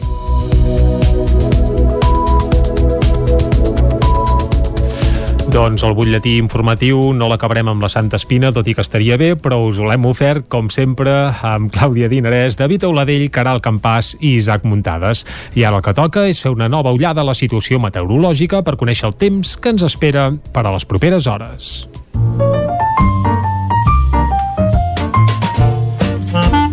Casa Terradellos us ofereix el temps. I per saber el temps, el que toca ara és saludar de nou el Pep Acosta. Pep, molt bon dia. Hola! Les temperatures mínimes força altes, només ha glaçat a molt alta muntanya, eh, per sobre els 5 graus al prelitoral, i a interior entre els 3, 4, 5 graus de mínima. Temperatures una mica per sobre, mica sobre el que seria normal. I, eh, i com deia, hi han bastants núvols, bastants núvols baixos, eh, mala visibilitat, i això és la, la tònica de tot el dia d'avui. Un dia semblant al d'ahir, bastant, bastant semblant al d'ahir. També, eh, sobretot durant la tarda, aniran passant núvols alts i mitjans de sud, a, de sud a nord uh -huh. i deixant el cel bastant ennuvolat. Les temperatures màximes, amb aquests vents de sud, sud-est, amb aquests núvols, seran molt semblants a les d'ahir.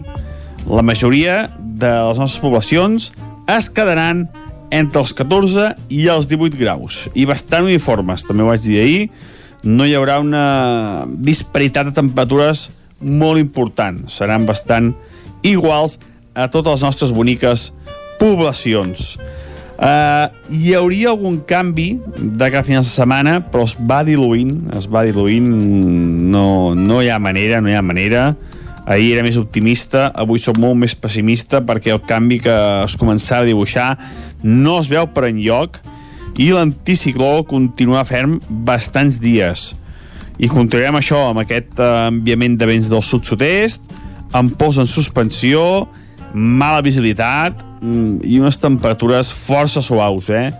No, no tindrem grans canvis els pròxims dies, eh, durant aquesta setmana no, quasi no hi ha cap canvi.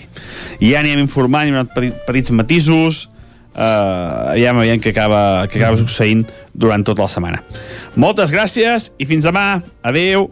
Vinga, Pep, moltes gràcies a tu. Uh, nosaltres ara el que fem és re, una molt breu pausa i de seguida ens capbussem cap a l'entrevista. Avui parlarem des de Ràdio Cardedeu amb el Carles Lomeres. Parlarem del Montseny. De seguida. Fins ara. Casa Tarradellas us ha ofert aquest espai.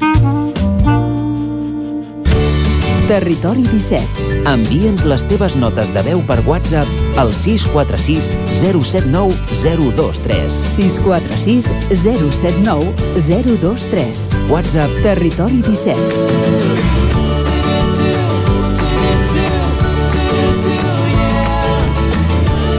Territori 17. Som a Facebook, Twitter i Instagram amb l'usuari Territori 17.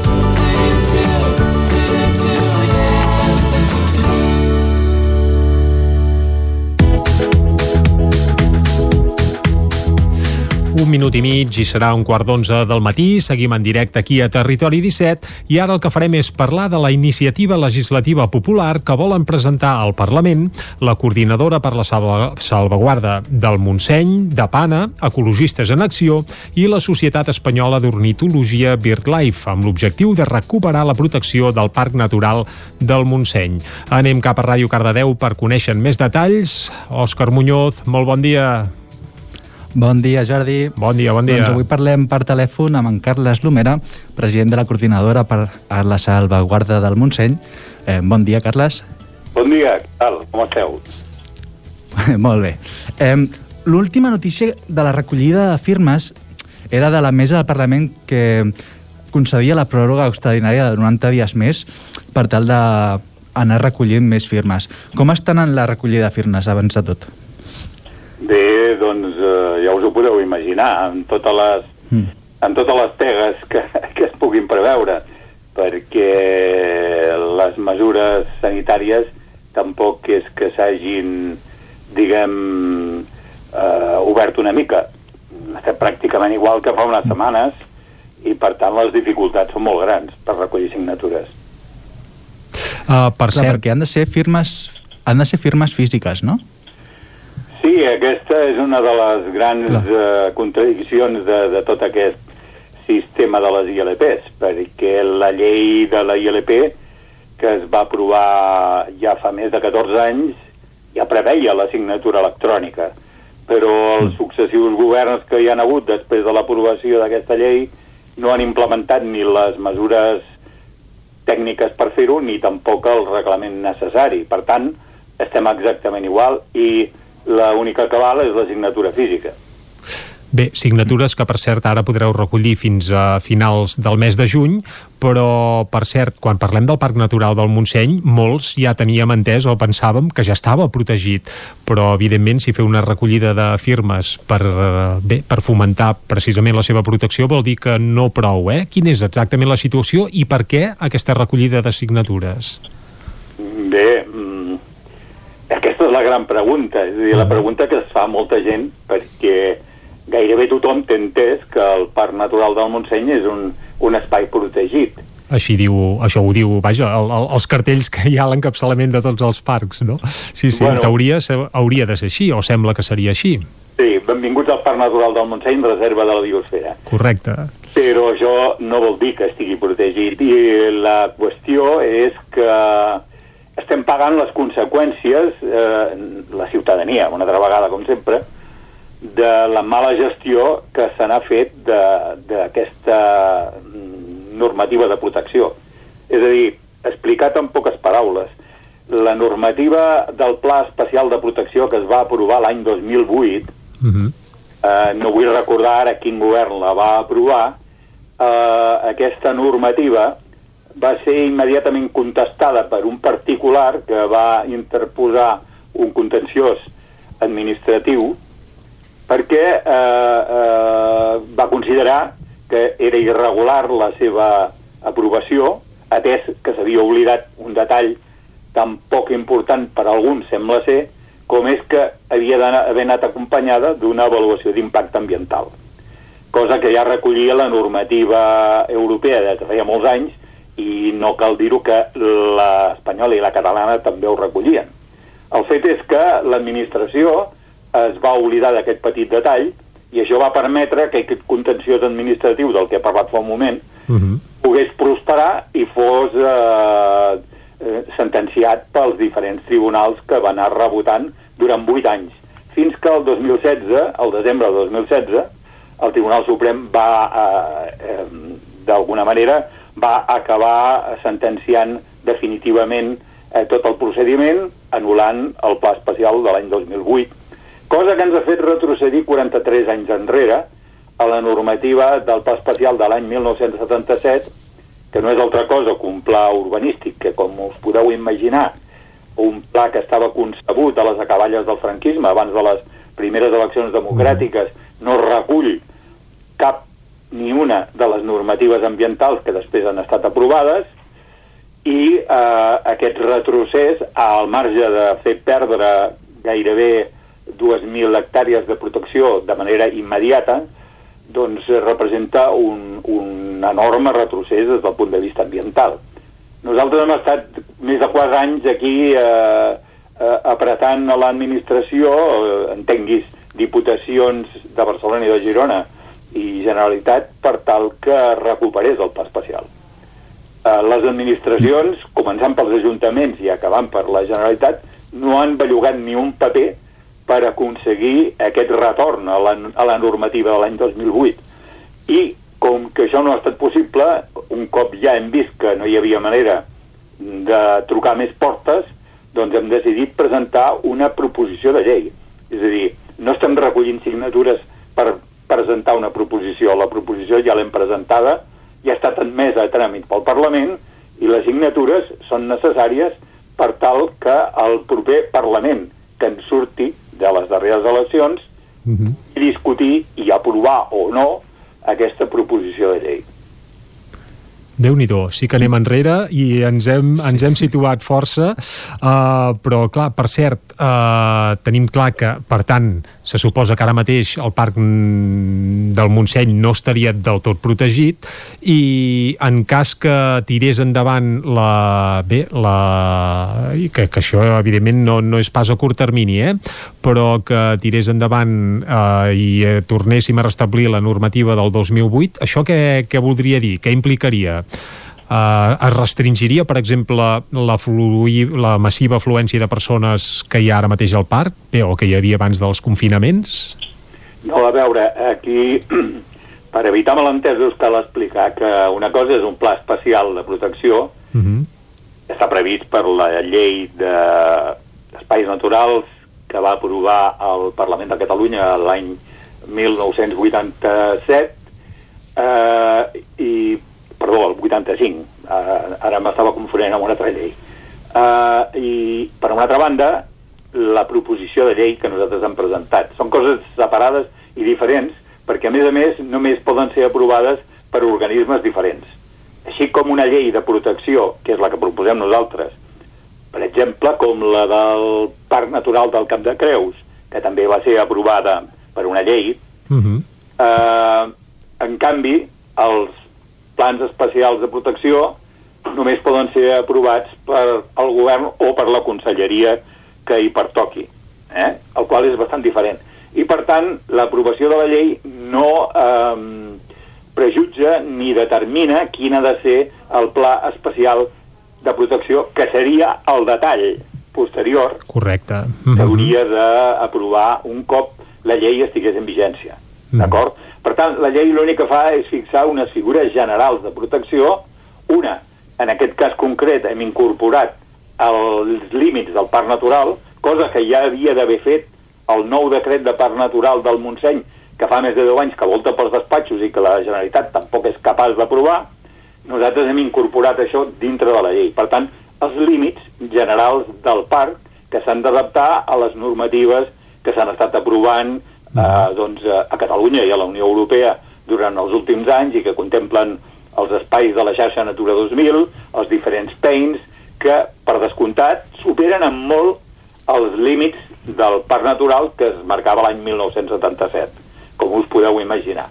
Per tant, aquesta és la primera figura. La segona figura és la d'espai, la de paratge natural d'interès nacional, també contemplada a la llei eh, d'espais naturals, a la qual he al·ludit abans, i eh, que, que ja significa un grau de protecció una mica superior i finalment la de reserves naturals integrals que són espais molt més reduïts, molt més concrets en els quals les activitats que s'hi poden fer són pràcticament molt més reduïdes, d'acord?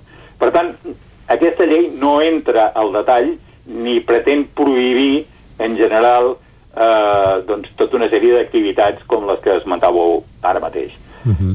mm? Tot aquest recull de, de firma que s'està fent durant aquesta feinada que esteu realitzant per tal d'aconseguir la xifra, eh, les, són organitzades per voluntaris. Quines són les tasques d'aquests voluntaris eh, en aquestes recollides de firmes?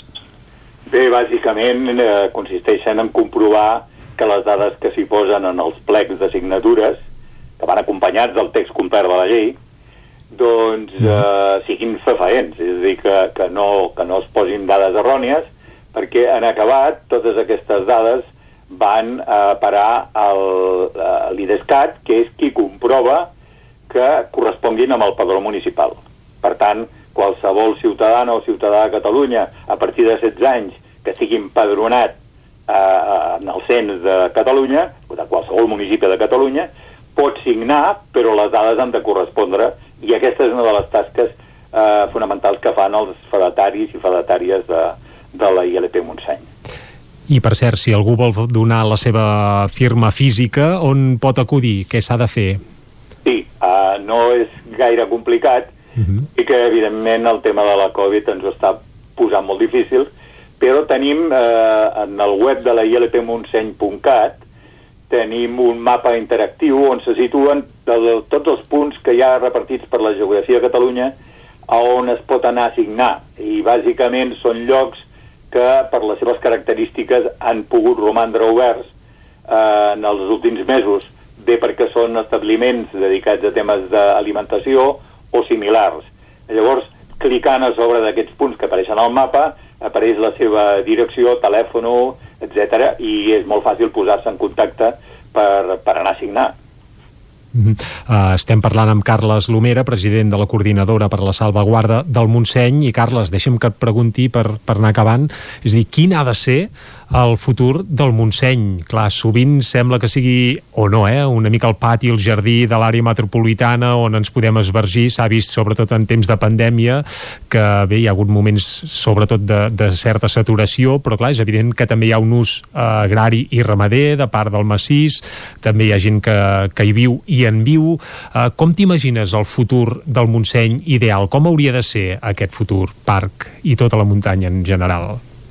Bé, aviam, en el Montseny s'hi ha de poder anar. Vull dir que eh, és evident que la gent de Catalunya ha de poder, com a mínim, fruir dels espais naturals de Catalunya. Ara bé, el problema és com s'hi va. I aquí eh, nosaltres el que veiem és que cal eh, una feina immensa d'educació ambiental. I pedagogia. Mm -hmm. Exactament. Exactament. I és una feina que, evidentment, nosaltres eh, hi contribuirem i ja ho estem fent tot el que puguem, però que bàsicament és una feina que l'ha de fer l'administració, començant per les diputacions, que són les que controlen eh, a través de l'oficina del parc el funcionament d'aquest espai natural, i per tant hi han d'esmerçar molts més recursos, molts més diners amb això que no pas en fer propaganda indiscriminada de que vingueu al Montseny sense mirar com, no? Mm -hmm. Aquesta seria una de les coses. Per una altra banda, heu esmentat les altres activitats. I aquí és on nosaltres veiem el futur. O, o hi ha un futur del Montseny viu, i nosaltres quan diem el Montseny viu, eh, estem parlant d'una sèrie d'activitats com les... Carles, disculpa, hem de tallar per anar a publicitat, eh, ho haurem de deixar aquí. Moltes gràcies per acostar-nos la realitat aquesta del Montseny avui aquí a Territori 17. Eh, molta sort amb aquesta recollida de firmes que recordem-ho acaba a finals de juny. Moltes gràcies, Carles. És a vosaltres. I nosaltres fem una pausa, tornem en 3 minuts. Fins ara. El nou FM, la ràdio de casa, al 92.8. A Vic, T52, un taller d'emocions. Una celebració, un reconeixement, un record, la victòria, el premi. Tenim una solució personalitzada per a cada ocasió. Ens trobaràs al centre, al carrer 941 i també a l'Horta Vermella, al carrer Menéndez Pelayo 31. Més informació a t52.cat. Cobertes serveis funeraris. Els nostres tanatoris estan ubicats en els nuclis urbans més poblats de la comarca d'Osona per oferir un millor servei. Tanatori de Vic, Tanatori de Manlleu, Tanatori de Centelles i Tanatori de Roda de Ter. Sabem que són moments difícils i per això el nostre compromís és atendre-us en tot moment amb un tracte humà, sensible i respectuós. Cobertes serveis funeraris. Telèfon 24 hores 93 883 23 46. Cocodril Club. Si t'agrada la bona música dels anys 60, 70 i 80, escolta el 9 FM als matins de dissabtes i diumenges d'11 a 1. És el temps del Cocodril Club, tot un clàssic de la ràdio, amb les bases del pop-rock, les llegendes, les cançons que s'han convertit en autèntics himnes. Recorda, dissabtes i diumenges al matí, d'11 a 1, al 9 FM 92.8. Cocodril Club, el programa revival de l'Albert Malla. Hasta luego. El 9 FM, la ràdio de casa, al 92.8. Hi ha sensacions que són úniques. Aquell bany relaxant, mirar per la finestra quan plou i com les calderes Bailand, que li ofereixen fins a 15 anys de cobertura total amb el servei tècnic oficial Bailand. Informis a Oficiat Nord trucant al 93 886 0040. Amb el servei tècnic oficial de Bailand, la seva caldera estarà en les millors mans. Són temps de reptes. A la Fogonera n'hem aconseguit tres. Servir arrossos d'estrella, per emportar i a un preu de justícia. Aquest hivern tenim l'arròs de calçots en tempura. La Fogonera, la rosseria de paelles per emportar a Gurb i que també et portem a casa. Telèfon 93 851 55 75 i a lafogonera.cat. I quan cau la nit, Pupurri Culinari, solucions per sopar les nits de divendres i dissabte. Entra a pupurriculinari.cat i tria. Ara, des del web de La Meva Salut, pots actualitzar les teves dades de contacte, com el número de telèfon, el mòbil i l'adreça electrònica, per poder rebre tota la informació mèdica necessària, per exemple, sobre la convocatòria de la vacuna contra la Covid-19. Si encara no t'has donat d'alta, fes-ho ara a lamevasalut.gencat.cat. Salut. Cuidem el que som. Generalitat de Catalunya. 7 milions i mig de futurs. El nou FM, el nou FM, el nou FM, el nou FM. Dos quarts d'onze del matí, seguim en directe aquí a Territori 17 i després de parlar del Montseny anem a recollir piulades. Ho fem cada dia amb l'Isaac Moreno. Isaac, molt bon dia. I bona hora. No vens pas del Montseny, eh? No. Val. Avui comencem molt contents amb música, de fet. Ah, això està bé. Sí, home, sí, perquè eh, des de Manlleu l'Àlex Roca, usuari del Tentacle, ja hem anat explicant la seva croada per aconseguir que els vacunessin, perquè són... Correcte, família de risc, i tant. Exacte, són cuidadors d'un d'un menor dependent, i avui piula amb tot de notes musicals i la frase Today is gonna be the day. Per tant, entenem que sí, que finalment ha rebut la trucada i que seran vacunats. Carai, doncs per molts anys. Molt bé, celebrem-ho. Seguim. En Peyu, ahir el teníem escarxofat al sofà, diu. Crims, clavat al sofà. Bravo, Carles Porta, bravo. Uier Goroca, Guille Cascante, fa goig veure un producte audiovisual tan ben fet, no sol passar, i quan passa, s'ha de dir. Doncs vinga, doncs queda, queda reproduït. dit, i tant que sí. Pep Poblet, músic. Treballar, preparar, pensar com serà nou projecte. Torno al teatre, torno a musicar paraules, tornaré a trepitjar escenari amb un company i un equip que sembla que no que ho haguem fet junts tota la vida. Moltes ganes. Us agradarà i sorprendrà. Estrena abril. Doncs, doncs ho seguirem i, evidentment, si cal, en parlarem aquí a Territori 17 d'aquest nou espectacle d'en Pep Poblet. Des de Vic, Joan Mercader. Els vidres de la comissaria de Vic i la furgoneta cremada s'arreglen amb una trucada. L'ull perdut de la noia de 19 anys no recuperen tota una vida. Els nostres mitjans es repeteixen incansablement les dues primeres coses. De la tercera ja no en parlen. Fàstic i misèria. Joan Canadell, des del Vallès, president de la Cambra de Comerç, nou diputat electe de Junts. Heu notat que ha estat superar el 52% de vots independentistes i de, cop, i de cop passen moltes coses? No serà que l'Estat no vol que hi hagi un govern independentista de veritat i utilitzarà tots els mitjans que calgui per impedir-ho? Pregunta que queda a l'aire. Bé, uh, la resposta potser ahir la Fiscalia ja em va donar alguna petita part imputant la mesa del Parlament, però vaja, tant és. Uh, seguim, seguim. Hi ha més piulades al respecte també, i, i arribarem més endavant. Teresa Rossell, mentrestant. Avui fa 30 anys del referèndum d'autodeterminació de Letònia. A Cole havíem estudiat que aquell territori era la URSS, i els de la caverna mediàtica també. Letònia es va independitzar aquell mateix any. Uh -huh. Iñaki Escudero, la democracia republicana francesa ha juzgado y condenado a su ex jefe del Estado. I cita Pedro Sánchez i el PSOE. Jordi Remolins. No se senten per al·ludits, em Sembla que per no. això. Eh? No, diria que no. Jordi Remolins diu, ara sí que podem dir que Joan Gaspar ja no és el pitjor president de la història del Barça, no? Segur, segur que no. N'hi ha que el superen. Ho, ho diu perquè Toni Freixa serà escollit diumenge. Ara, pla, jo diria que ho diu perquè el Joan Gaspar, almenys eh, els jutjats, no hi va acabar de Ah, fer gaire visites. Sembla que el Bartomeu, doncs sí. Però bé, Cafè d'idees de Ràdio Televisió Espanyola, piula, i ja explicareu per què, perquè també ho repiula i comenta l'Arnau Martí des de Vic. Aquest matí la Gemma Nierga entrevistava el conseller Samper, diu, Miquel Samper reconeix que no s'ha condemnat de manera contundent la violència per no malmetre les negociacions amb la CUP. I en Martí que diu, s'agraeix aquesta espaterrant sinceritat. L'ús i els mitjans de la violència són qüestionables sempre que estiguis negociant un acord de govern. Val a dir que la Nierga aquest matí també entrevistava l'alcaldessa de Vic, Anna R. molt bé. Tant feia un doblet de Junts per Cat. Exacte. Sí, sí. Des de Vic també Toni Borra, la persecució penal contra el dret d'autodeterminació del poble català en la seva expressió parlamentària és un atemptat frontal contra els nostres drets col·lectius. És mostra d'una deriva antidemocràtica de la Fiscalia, que el PSOE no impedeix, sinó que alimenta. I acabem amb una pilada sobre el ple de Vic que es feia ahir. Josep Ramon Saldavila, regidor, diu aquest vespre al ple de l'Ajuntament de Vic hem aprovat per unanimitat l'adhesió a la Coordinadora Catalana d'Ajuntaments i Ens Locals Solidaris amb el poble saharaui.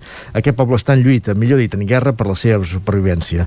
El regne del Marroc està oprimit, oprimint aquest gran poble i silenciant les morts dels seus guerrers. Gràcies Cos Sàhara per la vostra llum, gràcies Fons Català per la vostra persistència, gràcies Esquerra, Capgirem i Socialistes de Vic per estar al seu costat. Doncs vinga, queda constància d'aquest agraïment. La cosa es va aprovar per unanimitat, sembla. Sí, això sembla. Anem ara a fer un repàs al que diuen les portades del 99.cat en aquest moment. Per quina comencem, Isaac? Doncs per, avui per la verda.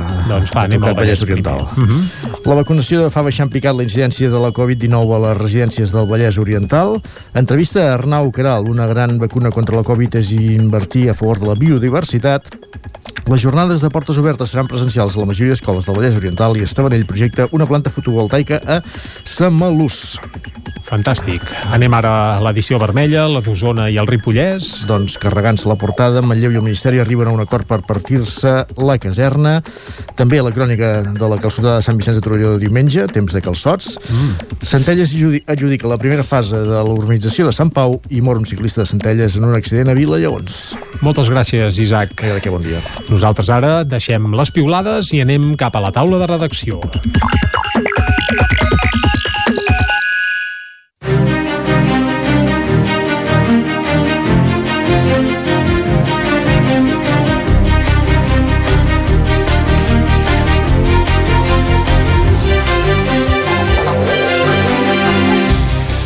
Una taula de redacció que avui comptarà amb Guillem Rico i Miquel R. Parlarem dels 10 anys del Teatre Eliseu de Roda de Ter, aniversari que es va celebrar aquest passat dissabte, i amb Guillem Rico parlarem de la policia local de Torelló, que sembla que es planteja l'ús de pistoles de gas pebre per als agents novells. Ens ho explicarà de seguida.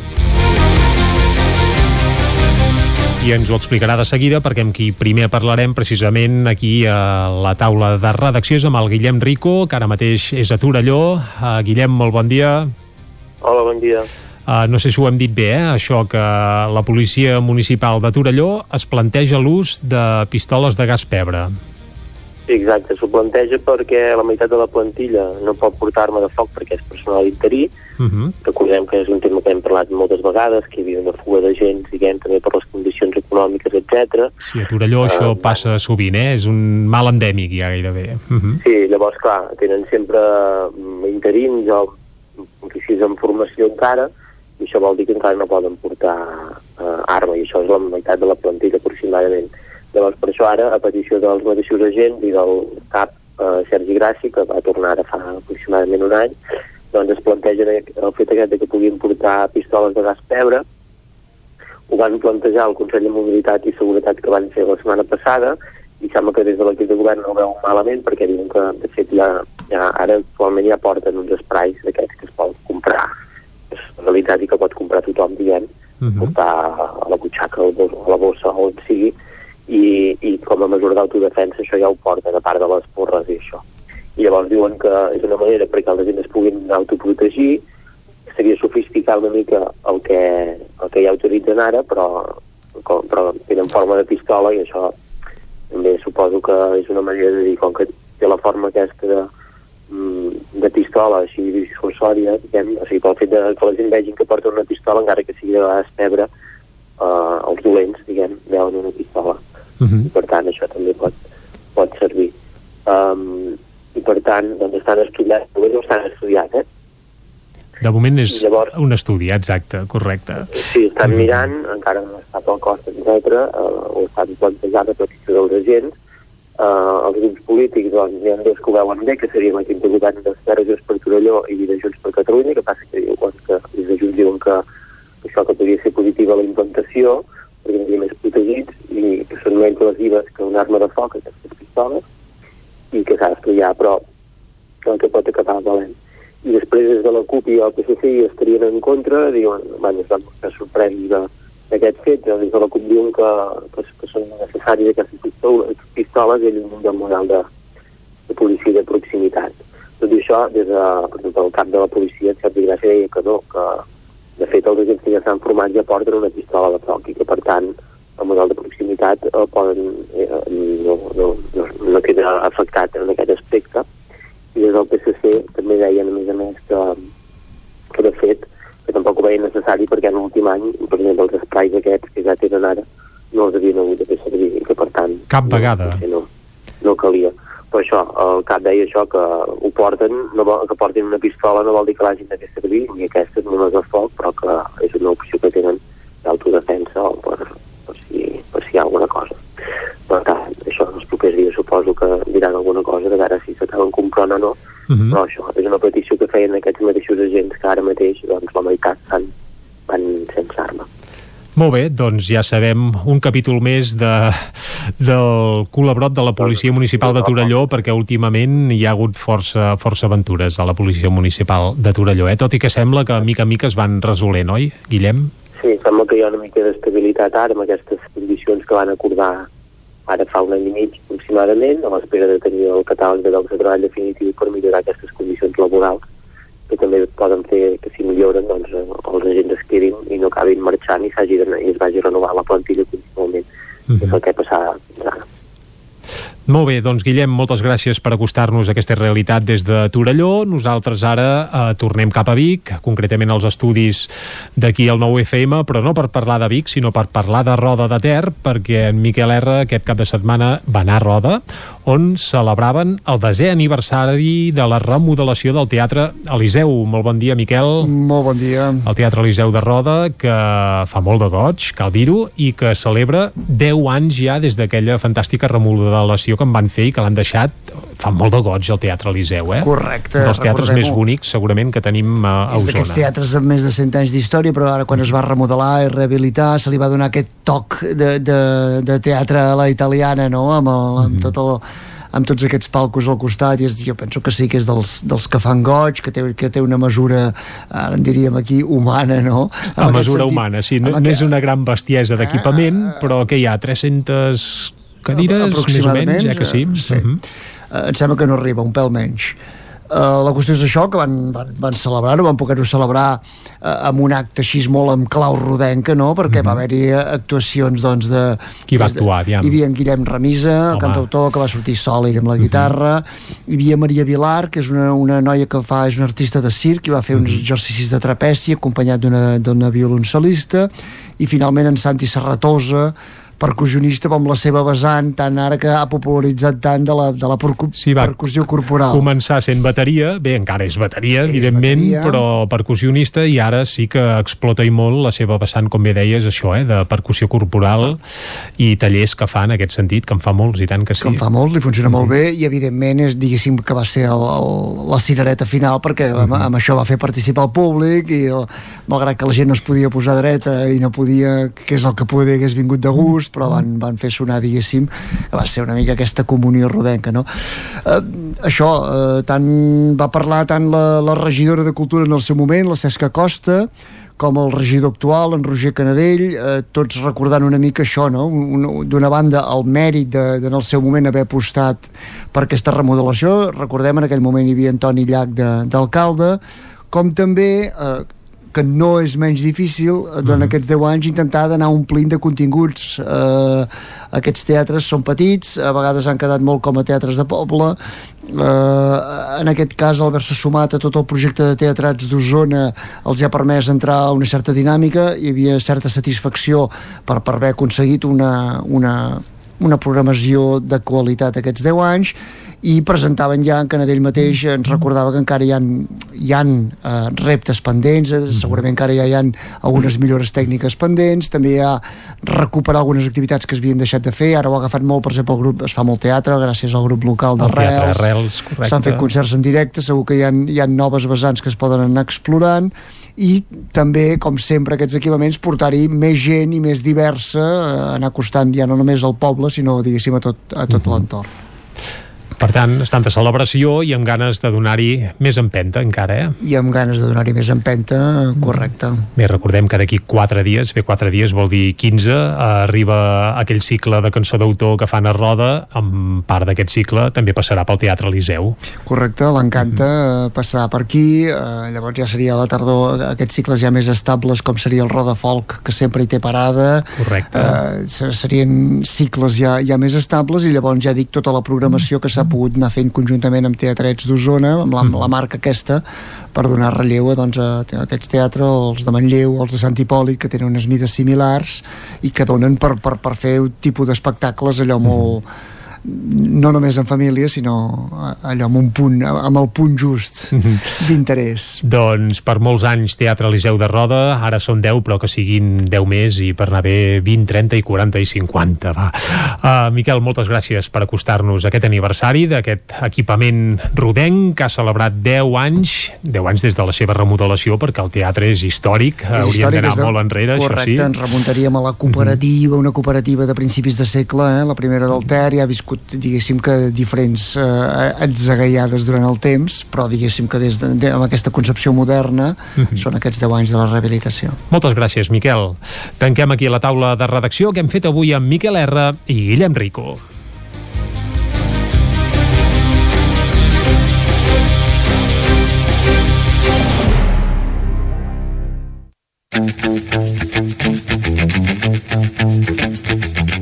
Busca't la vida amb Cela Falgueres. I quan són tres quarts d'onze del matí, entrem al Buscat la Vida i saludem, per tant, la Txela Falgueres. Txela, molt bon dia. Hola, molt bon dia. Bon dia, bon dia. Avui tenim un programa carregat de coses molt interessants. Com si us sempre, sembla, com sempre. disparem, Jordi. I tant. Vinga, pregunta número 1. Què és un unicorn? Ara, pla, en teoria un cavall amb una banya al cap, eh? O, o alguna així, no?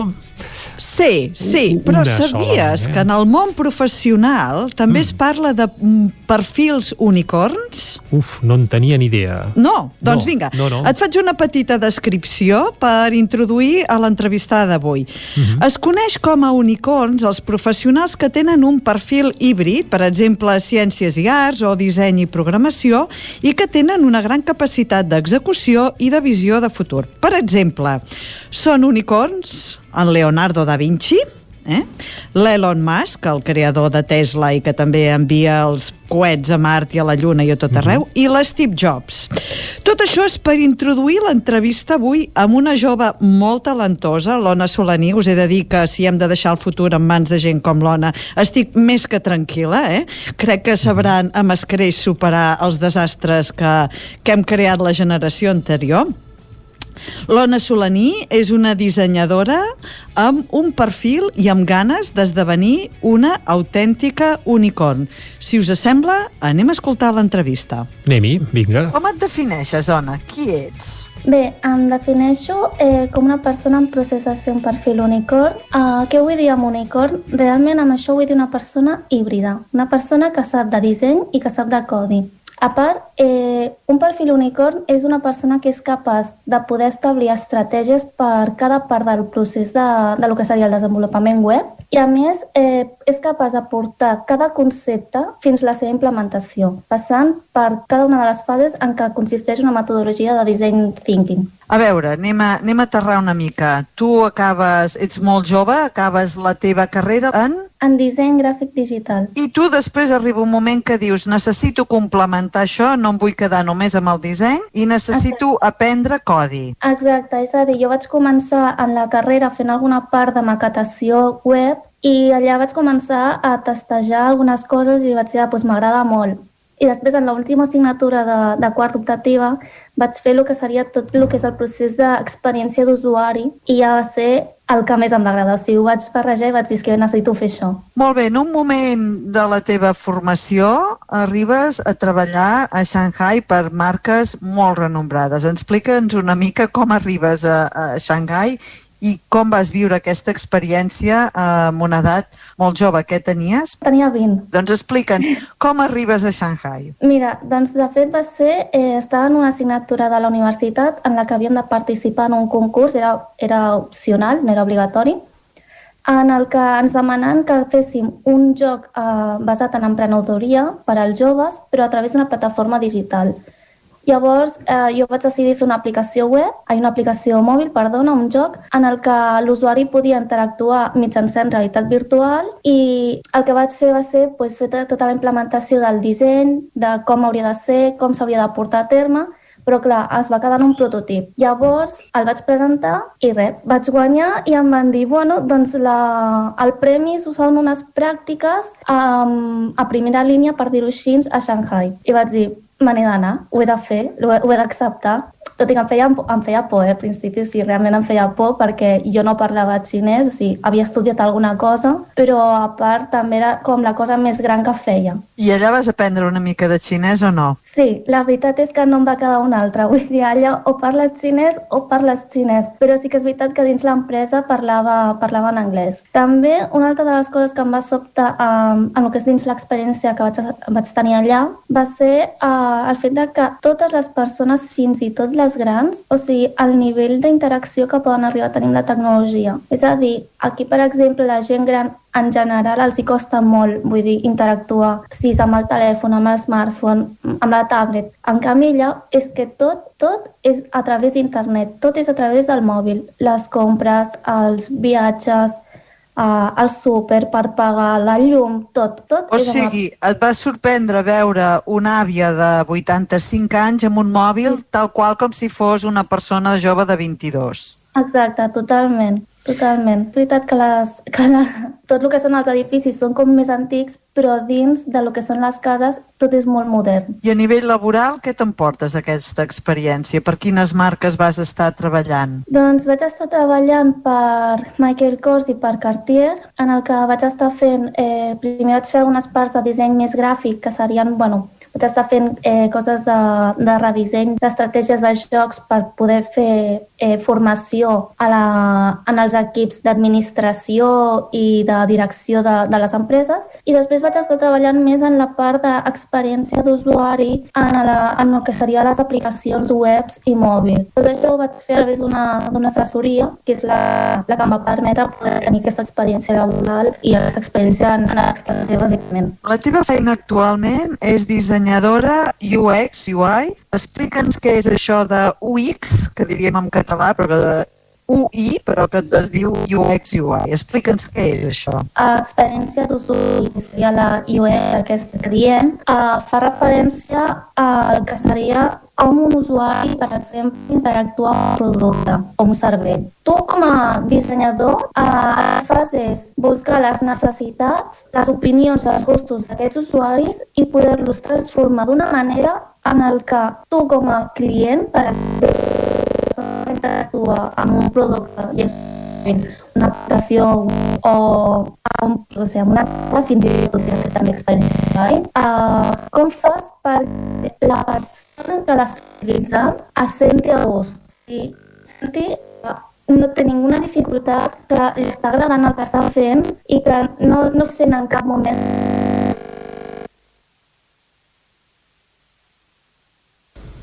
Bé, estem tenint problemes amb l'entrevista que no acaba de tenir un àudio audible.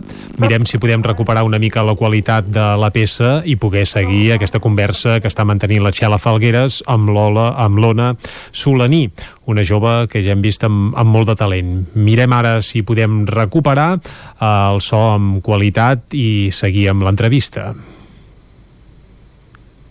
Bé, sembla, sembla que és complicat recuperar recuperar l'entrevista que estàvem mantenint sí. aquí al Buscat la Vida amb l'Ona Solaní, una jove, com bé dèiem, amb molt de talent, que aspira a tenir un perfil, com ens explicava la Txela Falgueres, unicorn, un perfil unicorn que és d'aquesta gent molt destacada en el seu àmbit. Ens posava uns quants exemples, la Txela, començant, per exemple, per Leonardo da Vinci, per tant, caldria regular uns quants anys. Uh, sembla, Txela, que tenim problemes amb uh, aquesta entrevista i que no la podem acabar de seguir. No sé si hi haurà opció de recuperar-la, si no podem seguir endavant amb el Buscat la Vida i com sempre a passar a conèixer quines són les aplicacions de la setmana i també les principals notícies vinculades al món tecnològic també de la setmana. Txela, no sé si ens pots escoltar ara mateix.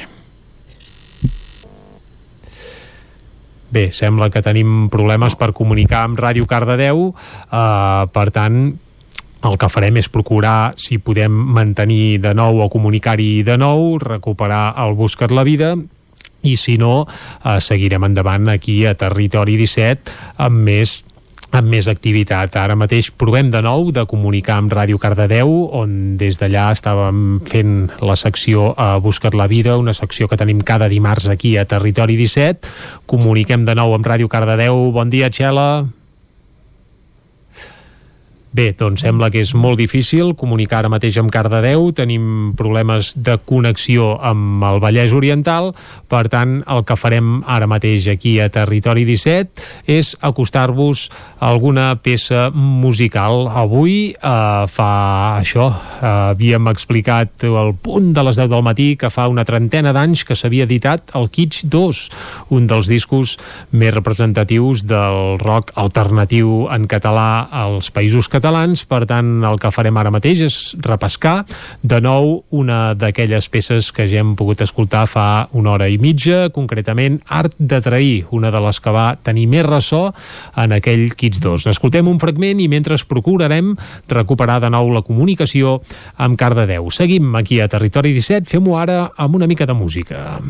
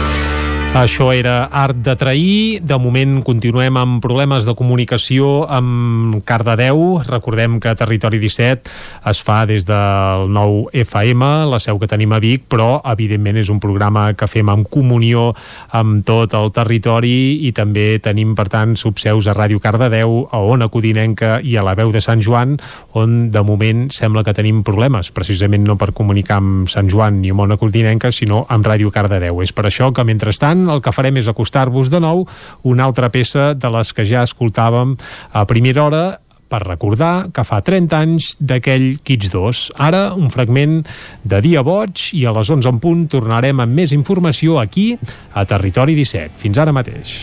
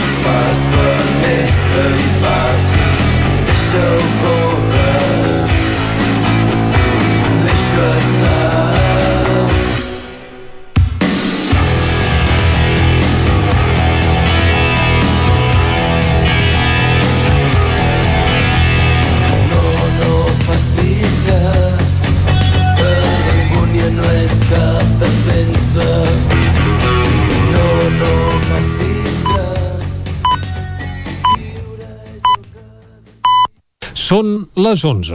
Territori 17, amb Vicenç Vigues i Jordi Sunyer.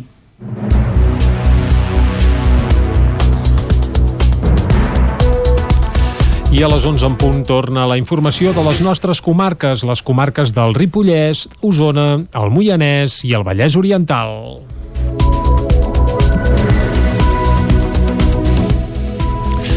L'Ajuntament de Camp de Bànol aprova un pressupost de 3,9 milions d'euros, on sobresurt el mig milió destinat a la indemnització pel litigi del carrer Hortes. Isaac Muntades, des de la veu de Sant Joan. Després de sis mesos sense secretari municipal, entre el juliol i el desembre del 2020, l'Ajuntament de Camp de Bànol ha recuperat el funcionament habitual i en el darrer ple extraordinari va aprovar un pressupost de 3,9 milions d'euros amb els vots a favor de Junts per Camp de Bànol, l'abstenció d'Esquerra Republicana de Catalunya i el vot negatiu de la CUP. El regidor de Serveis Econòmics, Lluís López, va detallar els comptes començant pel capítol de béns, serveis i transferències, que s'incrementen un 32%, uns 2,1 milions d'euros i on s'incorporen els 500.000 euros per pagar la indemnització a la part demandant pel litigi del bloc de pisos del carrer Hortes. També s'ha augmentat la despesa per la gestió de l'entorn del torrent de la Cabana arran de la Covid-19 amb una partida de més de 37.000 euros i hi haurà 20.000 euros per la contractació externa pel servei de neteja d'edificis. Pel que fa a les inversions, López va dir que pujaven fins als 414.000 euros i on hi destaquen aquelles actuacions dins del projecte d'intervenció integral del nucli original del municipi en el marc de la llei de barris. Altres partides que destaquen del pressupost són l'aportació de 6.500 euros a l'escorxador comarcal del Ripollès i els 38.000 euros pel pla de promoció del turisme a la comarca. El regidor de Junts per Camp Bànol va subratllar que no s'han apujat ni les taxes ni els preus públics i que el consistori presenta un endeutament per sota del 75%, concretament un 63%. El to del debat va ser més conciliador, ja que tant Esquerra com la CUP van agrair a l'equip de govern que se'ls permetés treballar els pressupostos amb més temps i López també estava content. La part més positiva per mi d'aquests pressupostos és que hem engegat unes sinergies de treball que espero que tinguin continuïtat en el recorregut que ens queda, no? perquè pràcticament d'aquí a poc ja hem fet l'equador d'aquest periple. No? M'agradaria que com a mínim això fos un punt de, de partida perquè evidentment hi hagi més comunicació i n'hi hagi pues, més transparència. Amb això, amb això sí que és cert, entre la intenció que té aquest equip de govern sobre els pressupostos i evidentment pues, les aportacions que vosaltres podeu, podeu fer. Això sí, el regidor de Junts per Catalunya va trobar a faltar que fessin més propostes i no tantes consultes. Amb tot, el porteu d'Esquerra, Toni Riera, va ser crític amb els comptes. Hem de ser crítics amb determinades partides. Des d'Esquerra Cor Municipal ens adonem que aquests pressupostos no deixen de ser uns pressupostos continuistes, com han anat fent els, durant els anys del seu mandat, durant els dos anys. En els seus pressupostos molt còmodes a l'hora de confeccionar-los, ja que no deixa de ser un copiar-pegar, hem notat poques variants. Riera va trobar a faltar una partida pel manteniment de les antigues escoles de la carretera de Gombrèn perquè no es van poder convertir en un hospital de campanya, ja que s'havia d'arreglar una avaria per un cost de 3.000 euros i segons va apuntar no es va fer. L'alcaldessa Dolors Costa li va rebatre que l'hospital tampoc ho va considerar oportú. El regidor republicà va reclamar partides per reparar voreres i carrers malmesos i per la seguretat viària, però també pel medi ambient en què trobava important però insuficient el canvi de l'enllumenat a llums LED. La regidora de la CUP, Mariona Braldés, també va ser crítica. El que volem fer és, diguem, una esmena a la totalitat, entenent que des de la CUP defensem i reivindiquem una dinàmica transformadora a l'hora de fer pressupostos. I això podria partir, que ja sé que ha sortit en alguna de les reunions, pel fet de poder fer pressupostos participatius.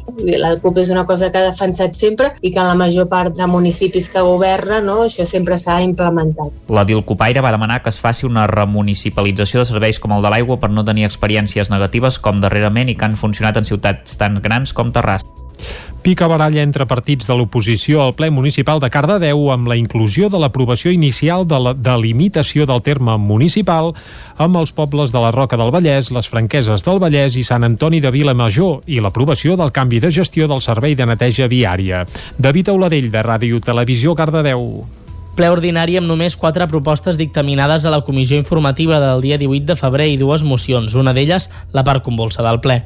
Al ple ordinari de gener el punt de conflicte va ser el temps de lectura i rèplica de les mocions. En aquest ple Enrique Jimeno de Ciutadans va tornar a fer esmena. La otra ocasión que yo presenté una moción, pues se me restringió extraordinariamente el tiempo y ahora el señor Luchetti ha disfrutado de todo el tiempo que ha querido y además ha aprovechado para, bueno, pues eh, lanzarnos un meeting sobre revuelta popular que bueno, me pareció un lujo y un exceso. El grup municipal de la CUP, amb l'adhesió del grup municipal de Gent pel Canvi, va proposar la moció en defensa de la llibertat d'expressió i de rebuig a l'empresonament del raper Pablo Hasél, punt de controvèrsia entre diferents partits. Socialistes i Ciutadans van votar en contra de la moció i es va formar una picabaralla entre el regidor de Ciutadans, Enrique Jimeno, Álvaro Blanco de Gent pel Canvi i Quique Fuentes d'en Comú Podem. Els escoltem en aquest ordre. Eh, no sé, creo que a veces busca legitimidad eh, enfrentándose conmigo. Entonces, a ver, eh, Álvaro, de verdad, yo hasta ahora te voy siguiendo y más allá de cuatro tópicos progres, nunca te he escuchado nada consistente. Y por eso te digo que lo revises.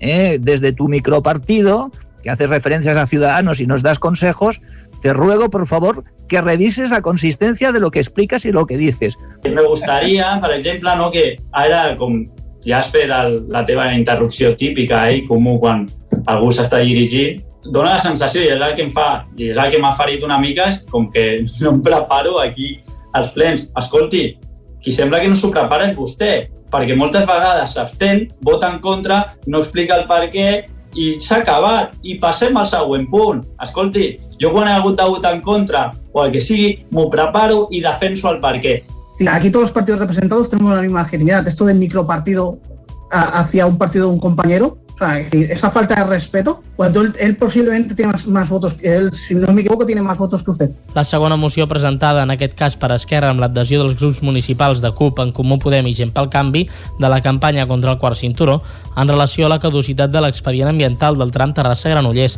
va comptar amb el recolzament de Ciutadans, amb els vots en contra del Partit Socialista i amb les dues abstencions de Junts per Cardedeu.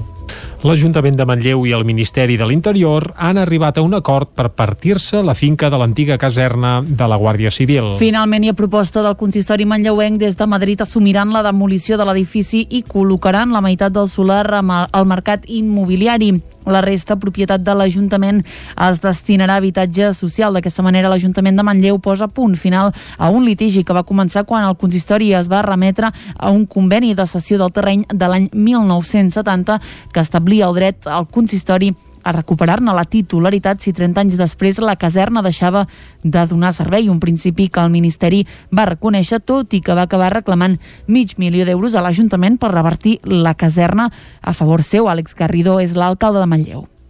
Oferíem al Ministeri que es quedés la meitat de, de l'actual espai eh, per um, posar-ho a mercat, per tant per construir-hi habitatge i així eh, tenir una opció de de, de guanyar diners d'allò que ens reclamava i per altra banda l'Ajuntament ens quedàvem amb l'altra meitat que de fet el que fèiem era eh, mantenir la paraula donada a la ciutadania i sobretot al barri de tenir un equipament públic en, aquest, eh, en, en l'antiga caserna i així evitar que l'Ajuntament hagués de fer cap despesa i hagués de pagar eh, res per la reversió de, de l'espai de, de l'antiga caserna. El conveni urbanístic estableix que en aquest espai de 1.400 metres quadrats entre els dos propietaris hi podran edificar més de 3.200 metres quadrats en tres plantes i zona verda. D'entrada, l'Ajuntament hi projecta pisos a disposició de persones grans i joves que en tinguin necessitat. Josep Maria Riba és el nou vicari general del Bisbat de Vic. Un càrrec que els últims 12 anys ha sustentat David Comte. El canvi converteix Riba en una de les figures més rellevants de la diòcesi de Vic. Entomar la nova etapa li suposarà tancar-ne d'altres, una d'elles la presidència del Museu Episcopal de Vic. Ho va dir Riba en una entrevista al nou magazín del Nou TV, on va especificar que la seva marxa del museu no serà immediata. El nou càrrec implica deixar moltes coses per centrar-se en, un, en un rol que és el vicari general. En aquests moments jo faig servir una, un exemple, no? Dic, tinc un gran problema matemàtic eh, de les coses que em fa i per tant he de començar a anar simplificant. Jo no, no puc deixar el, el rol de director d'avui per demà, perquè aquí darrere hi ha tot, una, tot un treball fet i que per tant doncs ja dic que estem en aquesta fase d'anar simplificant aquest problema per, per poder resoldre totes les coses. Amb l'arribada de la, a la vicaria general, Ribes converteix en la segona figura amb més pes de la diòcesi just per sota del bisbe de Vic, Romà Casanova una nova concentració per demanar l'alliberament de Pablo Hasél va tornar a recórrer dissabte als carrers de Vic. Els carrers fins a tombar el règim és el lema que va encapçalar la manifestació que aquest dissabte a la tarda va tornar a lluir pels carrers de Vic. Convocats pel col·lectiu antifeixistes de Vic, el CDR, Arran i La Forja, poc més d'un centenar de persones van tornar a demanar la llibertat de Pablo Hasél i de totes les persones que han estat detingudes en les protestes que hi ha hagut des del seu empresonament. La marxa va començar a la plaça de la Noguera i va recórrer diferents punts de la ciutat com la seu d'Hisenda i la comissaria de la Policia Nacional on tanques del cos barraven el pas als manifestants. En aquest punt i via Telegram el CDR va desconvocar la manifestació tot i que els manifestants van optar per continuar el recorregut fins a la comissaria dels Mossos d'Esquadra custodiada per un fort cordó policial. Quatre furgons dels Mossos barraven el pas a la rotonda del Milenari fins on van arribar els manifestants que es van estar una estona parats davant dels agents. La concentració va finalitzar sense incidents pels vols de dos quarts de nou.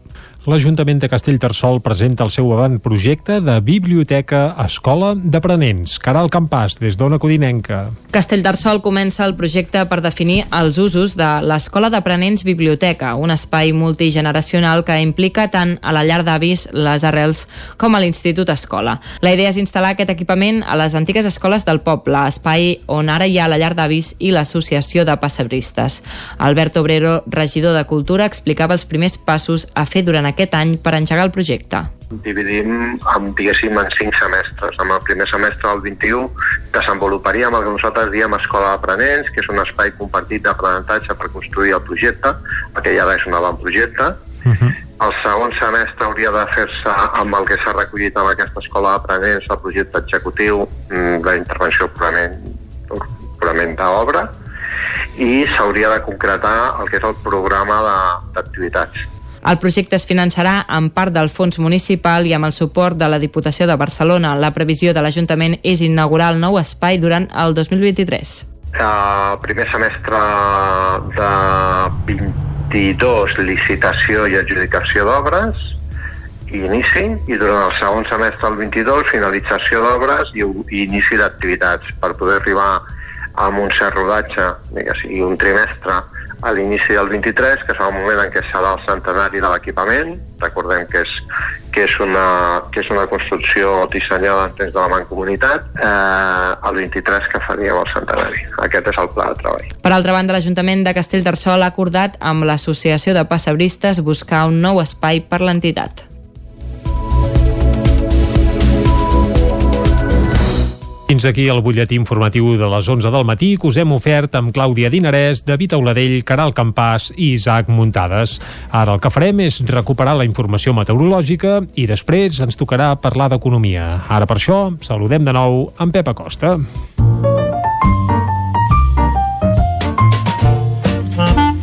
Casa Terradellos us ofereix el temps. Doncs vinga, volem saber el temps que ens espera per a les properes hores. Li demanarem ara amb en Pep Acosta, després a la part final del programa, d'aquí res, d'aquí 20 minutets, també ens acompanyarà el Manel Dot, eh, un altre meteoròleg de capçalera que ens visita un cop al mes per fer balanç precisament del mes que hem deixat enrere, en aquest cas el mes de febrer. Abans del Manel Dot, per això, en Pep Acosta. Pep, va, bon dia de nou. Hola, les temperatures mínimes força altes, només ha glaçat a molt alta muntanya, eh, per sobre els 5 graus al prelitoral i a interior entre els 3, 4, 5 graus de mínima. Temperatures una mica per sobre, mica sobre del que seria normal. I, eh, i com deia, hi han bastants núvols, bastants núvols baixos, eh, mala visibilitat, i això és la, la tònica de tot el dia d'avui. Un dia semblant al d'ahir, bastant, bastant semblant al d'ahir. També, eh, sobretot durant la tarda, aniran passant núvols alts i mitjans de sud, a, de sud a nord i deixant el cel bastant ennuvolat. Les temperatures màximes, amb aquests vents de sud, sud-est, amb aquests núvols, seran molt semblants a les d'ahir. La majoria de les nostres poblacions es quedaran entre els 14 i els 18 graus, i bastant uniformes, també ho vaig dir ahir, no hi haurà una disparitat de temperatures molt important, seran bastant iguals a totes les nostres boniques poblacions. Molt bé. Uh, hi hauria algun canvi de cap a final de setmana, però es va diluint, es va diluint, no, no hi ha manera, no hi ha manera. Ahir era més optimista, avui soc molt més pessimista perquè el canvi que es començava a dibuixar no es veu per enlloc i l'anticicló continua ferm bastants dies. I continuarem això amb aquest eh, enviament de vents del sud-sud-est, amb pols en suspensió, mala visibilitat mm, i unes temperatures força suaus, eh? No, no tindrem grans canvis els pròxims dies, eh, durant aquesta setmana no, quasi no hi ha cap canvi. I ja anirem informant, hi haurà petits matisos, uh, ja veiem què acaba, què acaba succeint durant tota la setmana. Moltes gràcies i fins demà. Adeu. Vinga, Pep, moltes gràcies. El temps el deixem aquí, però ja ho hem dit abans, eh? D'aquí 20 minutets el recuperarem de nou amb el Manel Dot. Ara, per això, acomiadem amb Pep Acosta, fem una breu pausa i de seguida parlem d'economia. Fins ara. Casa Tarradellas us ha ofert aquest espai. Territori 17. Envia'ns les teves notes de veu per WhatsApp al 646 079 023. 646 079 023. WhatsApp Territori 17.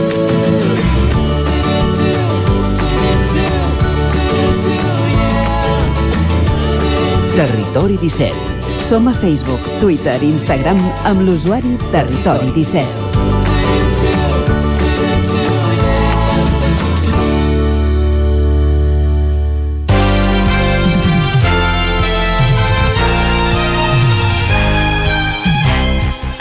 Doncs quan passa un minutet d'un quart de 12 del matí, saludem el Joan Carles Arredondo, que cada dimarts el tenim aquí eh, acostant-vos l'economia i fent-la bé eh, a l'abast de tothom, ens la posa a l'abast. Joan Carles, molt bon dia. Bon dia. Sempre ens ajudes a entendre una mica millor el món econòmic, que sovint és molt, molt i molt complicat, eh? I avui ens vols parlar de bitcoins, oi que sí? Sí, ja no, no, no és la primera vegada que, uh -huh. que surt aquest, eh, aquesta criptomoneda eh, en el, Sí, en- en el expliquem primer de tot què és això d'un bitcoin, perquè per situar el personal poder hauríem de començar per aquí, eh?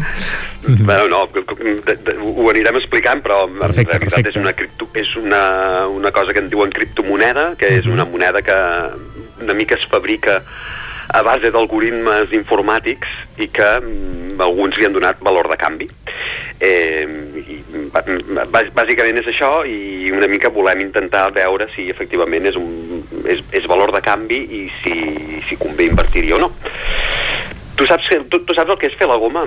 Ui, jo no en tinc ni idea. I els meus coneixements d'economia són una mica pobres. Sí, no, però aquest, aquest és esportiu, eh? Ah, Fer la goma és, ho, ho utilitzen en ciclisme, eh? I també en altres esports. I, diguem-ne que en aquests, en aquests esports hi ha vegades que hi ha corredors que sembla que es despengen de la primera posició i al cap d'una estona els tornes a veure al davant, no? I això és aproximadament el que fan Jeff Bezos, que és el fundador d'Amazon, i Elon Musk, que és el principal accionista de Tesla.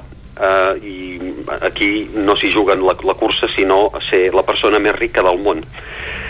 Uh, ara mateix hi ha Bezos al capdavant, però fa només unes setmanes era Musk.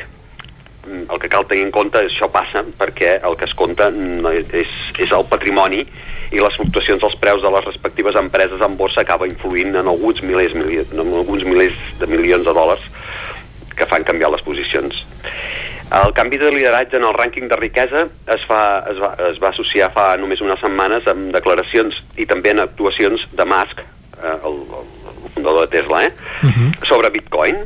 Va defensar que mm, inversions en aquesta criptomoneda i el que és més significatiu va avançar que la seva empresa començaria eh, a acceptar les transaccions de compra i venda, eh? començaria a acceptar aquesta moneda en transaccions de compra i venda dels seus productes.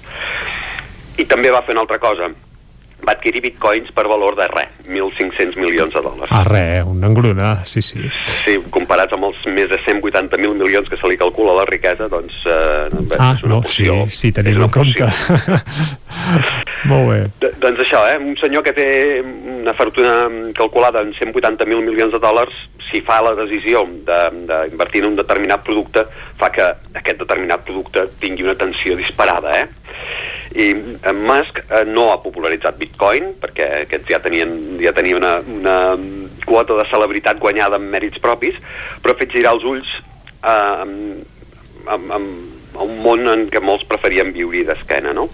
Eh, que un mitjà de pagament acabi sent acceptat per una empresa de repercussió internacional juga molt a favor de rebre la consideració de moneda de canvi. Eh, el cas és que després de l'anunci de Musk, Bitcoin, que estava en un dels seus mm, períodes mm, alcistes que periòdicament té, va començar a perdre valoració i el multimilionari mm, va passar a ser multimilionari, però una mica menys. Els, els periòdics trams alcistes eh, de Bitcoin, com dèiem, no són nous, mm, tampoc ho són les davallades importants que se succeeixen a cada gran pujada. Però paradoxalment, o potser no tant paradoxalment, eh, quan més interès suscita aquesta criptomoneda és quan viu aquests períodes alcistes, com el que he viscut en els últims mesos. Eh, en el període alcista d'aquest febrer, el Bitcoin va arribar a tenir una cotització de més de 54.000 dòlars. Musk feia broma a Twitter dient que li sembla un preu molt alt. I de fet no la raba. Eh? Al cap d'una setmana el preu havia baixat un 19%. Carai. També és cert que fa res, un any i mig, eh, el preu no passava dels 10.000 dòlars. Eh? Imagineu-vos fins a quin punt, eh? gairebé s'ha multiplicat per 5 el valor d'aquesta moneda. Tot plegat passa per la mateixa naturalesa eh, de la criptomoneda. Rere Bitcoin eh, hi ha el no res. No és una acció de l'empresa que suposa una participació en els resultats de l'activitat d'aquesta empresa o un bo públic que dona dret al retorn dels diners i el seu rendiment en compliment de les condicions amb què, amb què va ser adquirit. El bitcoin depèn de la consideració que en tingui el mercat en cada moment. És a dir, que hi hagi algú disposat a comprar-lo i això són coses que passen, per exemple, amb les joies, amb l'or, amb un habitatge o fins i tot amb els tulipans, eh, que va, això va passar a Holanda en el segle XVII i eh, els manuals d'història consideren que mm, el mercat de, de tulipans va donar peu al que es qualifica com la primera bombolla de la història. Ah, sí? Segle XVII. Carai, per tant, tot comença amb les tulipes, tu. Uh, sí, els Bé, tulipans, bé, tot, tot, ja ens eh, entenem. va haver-hi un moment que mm, van suscitar un gran interès, el preu es va disparar, eh, tothom volia tenir tulipans i en, en un moment donat eh, es va veure que segurament molta utilitat no tenien i, i van fer una gran davallada i van deixar molta gent, diguem-ne, amb, amb, amb, amb, amb molts diners invertits eh, que, que, que no li van servir de res. Això es considera la primera bombolla de la història. Hi ha, hi ha qui ho discuteix, però en principi els manuals d'economia parlen d'això com la primera bombolla. Hi ha certes similituds amb, amb, el- amb el bitcoin. Personalment no sóc, una, no, no sóc molt de creure amb el bitcoin, però hi ha molta gent que n'és entusiasta. Eh? Anem, tornem al bitcoin. Eh? El punt d'inflexió. Eh, arribarà si es comença a generalitzar eh, el reconeixement com a mitjà de pagament, com semblava apuntar el fundador de Tesla. Eh? Um, però perquè això passi hi ha una tendència que hauria de canviar. Difícilment un mitjà de pagament podrà arribar a considerar-se com a tal si la seva volatilitat, eh, aquest canvi de valor que té, és tan acusada per variar en res, 10.000 dòlars o amb una vall en una sola setmana. Però si mai arriba aquest moment, quina diferència hi hauria entre invertir en bitcoin, en or o en corones noruegues? Eh, el bitcoin perdria el glamour que li dona la novetat, eh, el fet de ser relativament desconegut. Com en tantes altres novetats, el bitcoin té, com deien, detractors i defensors. Entre aquests últims es dona la circumstància que hi ha triomfadors del capitalisme liberal, com el mateix eh, Musk, o alguns antisistema que veuen aquest vehicle inversor com una alternativa a l'establishment que representen els bancs centrals. Efectivament, el bitcoin eh, i les criptomonedes n'hi ha moltes, eh? n'hi ha més que Bitcoin, el que passa que el Bitcoin és la més cèlebre. Eh? Doncs eh, totes aquestes criptomonedes acap escapen al control oficial que es pot considerar que representen en els bancs centrals, que en una reedició de la màxima de si no es pot amb l'enemic, millor, el millor que es pot fer és unir-s'hi, estan treballant en el disseny de les seves pròpies criptomonedes. Ho va fer Venezuela, per exemple, amb el petro, en circumstàncies eh, tan extremes econòmiques com es pot intuir en aquell país, però també eh, s'està estudiant a la Xina o fins i tot a Europa, eh, la tan estable Europa. Hi ha aspectes de les criptomonedes que les fan atractives, especialment l'aparent seguretat a fraus, eh? perquè, com- dèiem, es fabrica aquesta cri- criptomoneda a base d'uns algoritmes, eh, eh, és molt limitat, eh, i per tant hi ha un, el tema de, de, de poder eh, de, de, tenir, de tenir el frau controlat és un dels elements que la fan, que la fan atractiva. No? Els temps de les criptomonedes oficials, per tant, s'acosta, però mentrestant continuen mm, triomfant les originals, les que es fabriquen de manera, és un dia, eh, artesanal, a partir de combinacions úniques d'algoritmes que, per cert, provoquen un elevat consum energètic, que és un dels aspectes que es critiquen eh, de les criptomonedes, perquè clar. per, per fabricar aquestes criptomonedes hi ha molts processos informàtics i tot això és un gran consum energètic. Algun dia potser en parlarem. Triomfar és equivalent a revaloritzar-se, però, però aquesta revalorització també és incerta, no?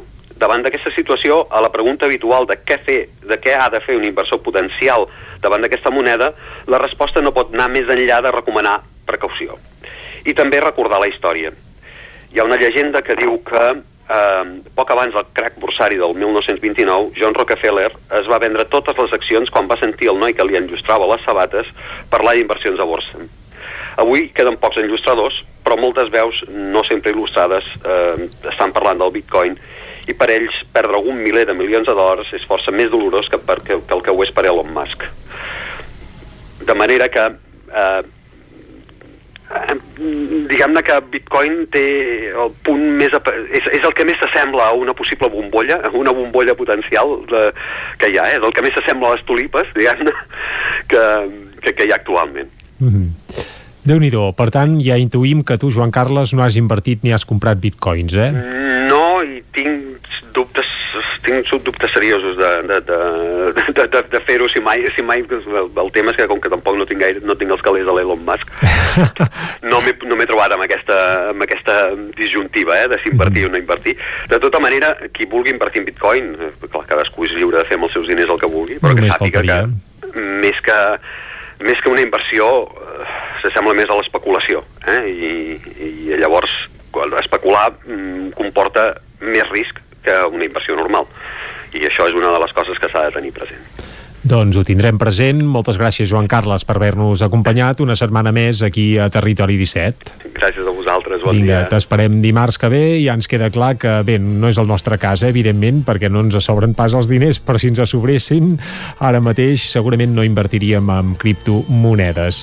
Avui hem fet aquest apunt amb el Joan Carles Arredondo, aquí a Territori 17. Ara el que toca és fer una breu pausa, tornarem a dos quarts en punt, acostant-vos a algun racó de Catalunya, després passarem també per la R3 i avui acabarem el programa fent balanç meteorològic del passat mes de febrer. Va ser un mes més càlid, més fred del que és habitual, ho sabrem de seguida perquè en Manel Dot ens il·lustrarà sobre aquest tema. Ara una pausa, tornem de seguida. Fins ara. El nou FM, la ràdio de casa, al 92.8. Semblava impossible tenir veu, estudiar, treballar. Semblava impossible decidir sobre els nostres cossos. Semblava impossible tenir els mateixos drets. I a tu, què et sembla impossible? 8 de març, Dia Internacional de les Dones. Fèiem, fem i farem polítiques feministes. Diputació de Barcelona. Hi ha sensacions que són úniques. Aquell bany relaxant, mirar per la finestra quan plou i com les calderes Bailand, que li ofereixen fins a 15 anys de cobertura total amb el servei tècnic oficial Bailand. Informis a Oficiat Nord trucant al 93 886 0040. Amb el servei tècnic oficial de Bailan, la seva caldera estarà en les millors mans. A Vic, T52, un taller d'emocions. Una celebració, un reconeixement, un record, la victòria, el premi. Tenim una solució personalitzada per a cada ocasió. Ens trobaràs al centre, al carrer 941 i també a l'Horta Vermella, al carrer Menéndez Pelayo 31. Més informació a t52.cat. Anuncia't al 9FM. La màquina de casa. 9 3 8 8 9 4 9 4 9. Publicitat arroba al 9FM.cat. Anuncia't al 9FM. La publicitat més eficaç. Estudi fotogràfic. Nosaltres et lloguem el plató amb tot tipus de decorats i tu fas les fotos per només 18 euros l'hora. Per comunions, aniversaris, bucs, embarassades, nounats, suport rotatiu per fer vídeos de TikTok i molt més. Per Sant Valentí regala un val per només 18 euros i tindràs un bon record fotogràfic. Ens trobaràs al carrer de Sant Tomàs 4 de Call d'Atenes al telèfon 640 56 03 10 i també a Instagram i a Facebook. Cocodril Club. Si t'agrada la bona música dels anys 60, 70 i 80, escolta el 9 FM als matins de dissabtes i diumenges d'11 a 1. És el temps del Cocodril Club, tot un clàssic de la ràdio, amb les bases del pop-rock, les llegendes, les cançons que s'han convertit en autèntics himnes. Recorda, dissabtes i diumenges al matí, d'11 a 1, al 9 FM 92.8. Cocodril Club, el programa revival de l'Albert Malla. Hasta luego, La Generalitat de Catalunya posa en marxa un nou pla d'ajuts directes de més de 600 milions d'euros. Per les persones treballadores autònomes, la prestació serà de 2.000 euros. Les micro i petites empreses rebran 2.000 euros per cada treballador en ERTO. Les persones treballadores en ERTO rebran un ajut d'uns 600 euros. També es destinaran 25 milions d'euros en ajuts a la formació per treballadors i treballadores en ERTO i altres ajuts per sectors amb restriccions com a conseqüència de la situació epidemiològica. Informa't a economia.gencat.cat. Generalitat de Catalunya. El 9 FM, el 9 FM, el 9 FM, el 9 FM. Territori 17.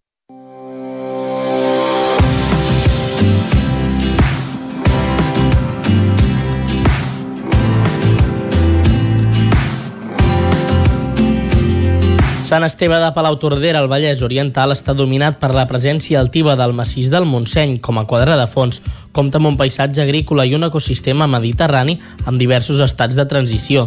S'hi alteren boscos d'alzines i pins amb camps oberts i és destacable la presència de nombrosos recursos hídrics. També són rellevants la plana de Sant Esteve, l'indret que ocupen la major part de cases del poble, el torrent del Reguissol i la riera de Vallmanya. Als torrents encara s'hi conserva bé el bosc de Ribera en galeria, ben visibles des de la plana. Vora el castell de Montclús, el bosc d'eucaliptus és una mostra de la important colonització d'aquesta espècie, perillosa en la seva combustibilitat. A Sant Esteve de Palautordera hi ha dos castells, el de Montclús i el de Fluvià, si bé aquest darrer no era pròpiament un castell, sinó un gran casal. L'origen del castell de Montclús pot remuntar-se com a mínim al segle XI. El castell té dos recintes, el Jussà, del qual es conserven restes de la muralla defensiva, del fossat i de la capella original de Santa Margarida, i el Sobirà, del qual destaquen els murs imponents de l'edifici principal i una poderosa torre cilíndrica. La distribució interior d'aquest segon recinte s'organitza al voltant d'un pati central, on hi destaca la torre mestra. Aquesta fortalesa va ser una de les més importants del Montseny, ja que gràcies a la seva posició estratègica dominava l'entrada de la vall de la Tordera. La gent d'aquestes contrades explicava que hi havia passadissos secrets que comunicaven el castell de Montclús amb el de Fluvià, d'altres que anaven fins a Montsoriu. De totes les històries en destaca la llegenda de la dama de Montclús, a través de la qual es posen de manifest els constants i virulents enfrontaments entre els senyors de Montclús i els del Palau. Les primeres notícies del castell de Fluvià daten de l'any 1154. La construcció conté l'església romànica de Sant Cebrià, conservada íntegrament dins el modern edifici del castell. Però el principal centre espiritual de la vila és l'església de Sant Esteve, una de les esglésies documentalment parlant més antigues del Vallès, la qual conserva restes de l'antiga església del segle XII. En aquest poble també hi trobareu el poblat ibèric de Montclús, que data dels segles II i III abans de Crist i que va ser abandonat al segle I abans de Crist. Territori 17. I de Sant Esteve de Palautordera, el que ens toca ara és anar cap a la R3, com sempre, a la Trenc d'Alba. Anem-hi! A Trenc d'Alba, edició pandèmia. Ara sense els usuaris que ens explicaven les seves desgràcies a la R3, però amb els mateixos retards i problemes de sempre. Benvinguts a Tren d'Alba. Doncs va, avui torno a parlar-vos de l'article del diari públic titulat El tren suspèn a Catalunya, el transport per ferrocarril s'està desmuntant. Hi ha una part del reportatge que parla de la descarbonització, ja que és evident que apostar pel tren permetria avançar en la descarbonització del transport, un objectiu en l'àmbit europeu. El porteu de la plataforma Trens Dignes Terres de l'Ebre Priorat i delegat territorial de l'Associació per la Promoció del Transport Públic, Josep Casador, titllava de política ideològica la situació a Catalunya, perquè, segons ell, privatitzar el tren és molt difícil, mentre que que convertir-lo en autobusos és fàcil, una afirmació de la qual discrepava el secretari d'Infraestructures i Mobilitat de la Generalitat, Isidre Gavín. A l'article també hi apareix una vella coneguda nostra, com és la Glòria Francolí, cronista de capçalera i membre del col·lectiu perquè no ens fotin el tren, que va néixer fa 8 anys per impedir el tancament de l'estació de tren de Torelló, i com us he explicat en el seu moment, ho van aconseguir. Us podeu imaginar quin és el cavall de batalla de la plataforma que ara està fent anar malament la línia R3, no? Efectivament, les obres del túnel de Toses, que ja haurien d'estar acabades i que s'allargaran almenys fins fins al maig. Ara ja sabeu que hi ha un servei alternatiu per carretera entre Ribes de Freser i Puigcerdà, almenys. Francolí va lamentar-se dels canvis d'horaris, les freqüències de pas o els tancaments d'estacions i va apuntar que Renfe i Adif funcionen a fer veure que les coses no passen. Evidentment, com sabeu, des de per què no ens fotin el tren, tenen l'objectiu de protegir tots els municipis que tenen aquest transport públic. Esperem que ho puguin fer molts anys més. Va, ens retrobem demà amb més històries de la R3 i dels trens.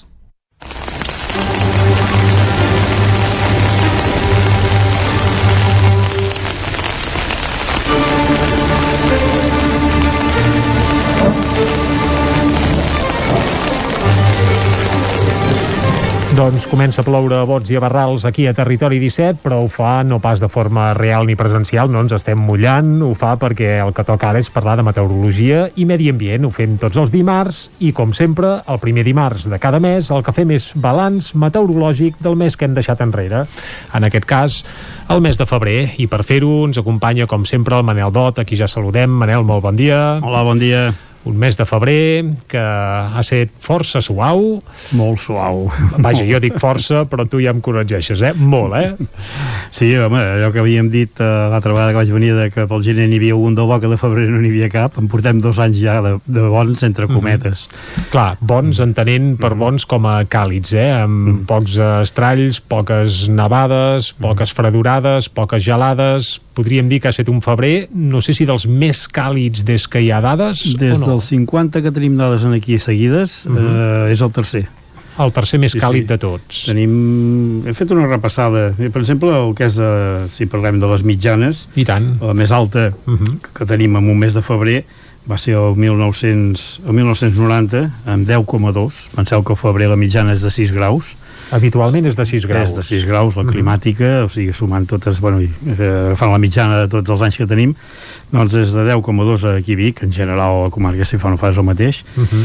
eh, després tenim el 2020, amb 9,3 i aquest any, el 21, amb 9,1. Vull dir que les dues últimes són la, bueno, per pràcticament... Tant, els dos darrers anys uh -huh. s'emporten la, vaja, la palma o el rècord, o, uh -huh. vaja, el, encapçalen el podi, ras i curt. Aquest sí, any i el passat excepcionalment càlids.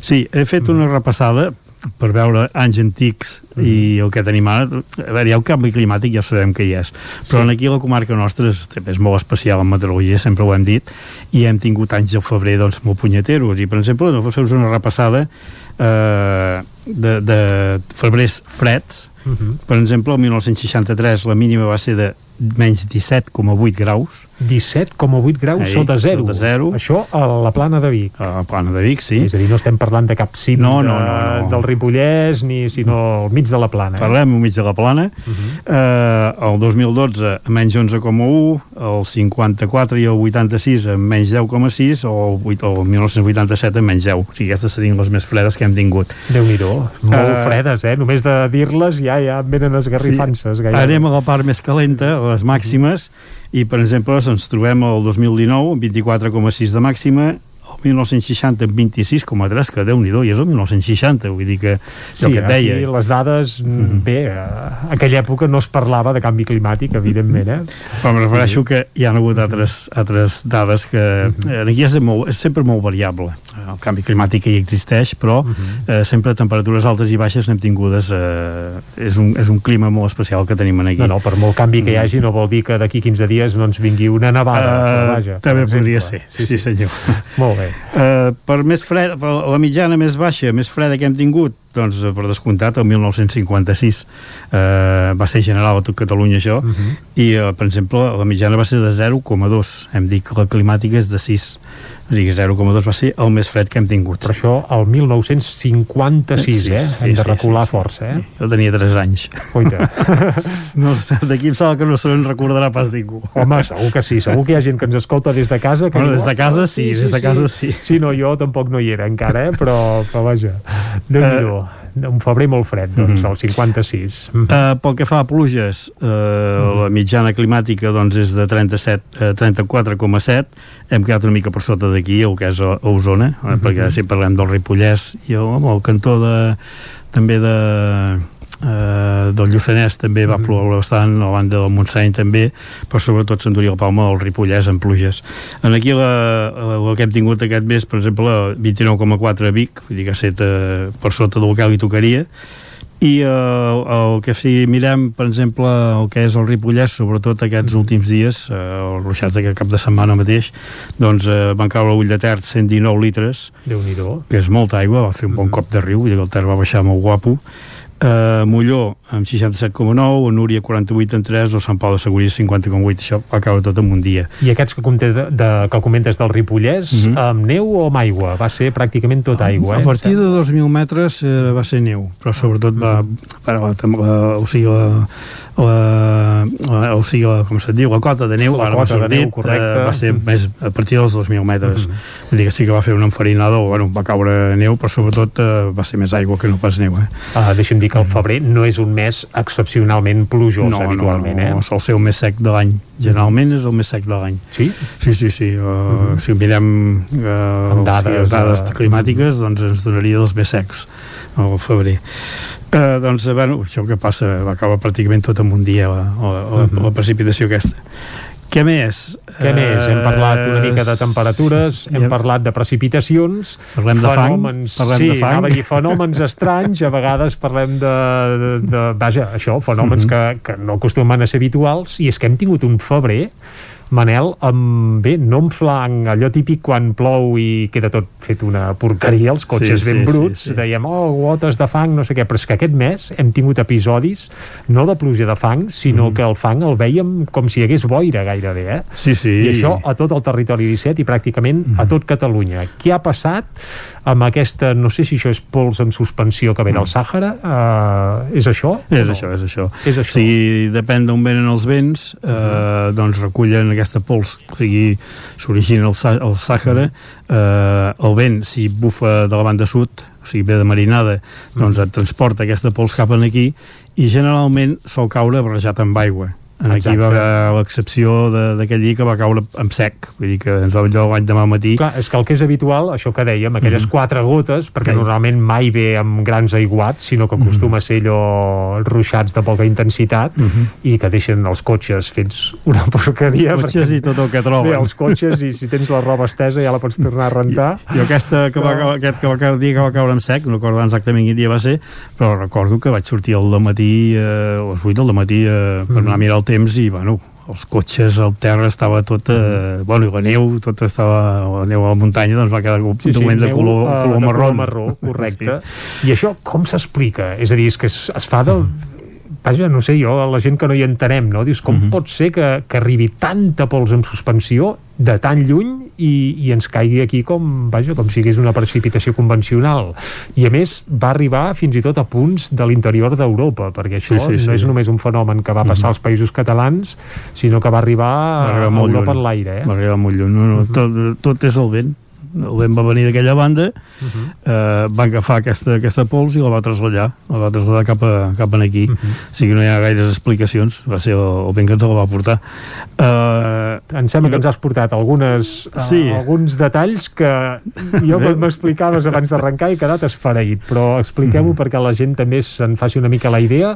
Uh, bé, no es pot mesurar amb litres la pols que cau, perquè no, no seria el cas, però sí que es pot mesurar d'alguna manera. Eh? sí, sí, tu tens sí. un bon amic que, que ho ha calculat una mica. Uh, sí, això. tenim un dels millors observadors que tenim a Catalunya, per no dir d'Espanya i tot, que és en Josep Pasqual de l'Estartit. Uh -huh. uh, jo hi he anat més d'una vegada també uh, uh, mirar l'aigua del mar. Generalment sol mirar l'aigua del mar perquè està molt mira de tot. És Clar, molt, per, per situar-nos, és aquell senyor que, uh -huh. que fa això, uh, ens diu la temperatura de l'aigua uh -huh. uh, a un metre, 5 metres, a 10 metres i a 15 metres de fundària, o així, eh? que té Sí. unes dades des de fa desenes d'anys. Sí, 50 anys ben bé. Del I de d'altra, les- i, bueno, i a més a més és un home molt trossut, eh, va fer també ell mateix eh, amb un tambor i un dipòsit d'aquests de- d'allò de fuel, bueno, en fi, eh, es, va, es va fer un, un nivellador per mirar el nivell de l'aigua del mar, com puja baixa, i, o sigui, fa, fa, i fa la gràfica, vull dir que és, és un home molt meticulós, i des de fa molts anys que, que ho fa, no?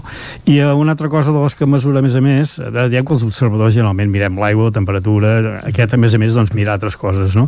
I una de les coses que mira, doncs, és, per exemple, quan, quan hi ha pols, quan hi ha pols en suspensió, quan plou i cau, Mhm. doncs eh, ell ho mira, per un, un metre quadrat, mira, eh, o sigui, deixa, deixa secar l'aigua i llavors el que fa, doncs, és mirar un pinzellet, recull tota la pols, la posa en un tubet i mesura eh, el que hi ha, no? Carai. Eh, ell m'ha passat, eh, m'ha passat una informació d'aquests últims ciclos, m'ha passat els anys, porta més de 200, de 200 eh, o sigui, registres. Episodis Sí, d'aquests episodis amb, d'aquests. amb pols, eh, amb suspensió. Eh? I els màxims que m'ha passat, per exemple, els que té, doncs, el 1988 eh, hi van caure 5,75 grams, eh, Això, això per metre quadrat. Per metre quadrat. Per metre val. quadrat. Això mm, és bastant, eh? És molt, sí, sí, és sí. fer una escombrada i omplir la pala gairebé, Sí, sí. eh? El, mil, el 2019, 5,4 grams, Uh -huh. i aquest any, el dilluns passat, em van registrar el màxim que té des de que, que ho recull, que són de, de 7 grams.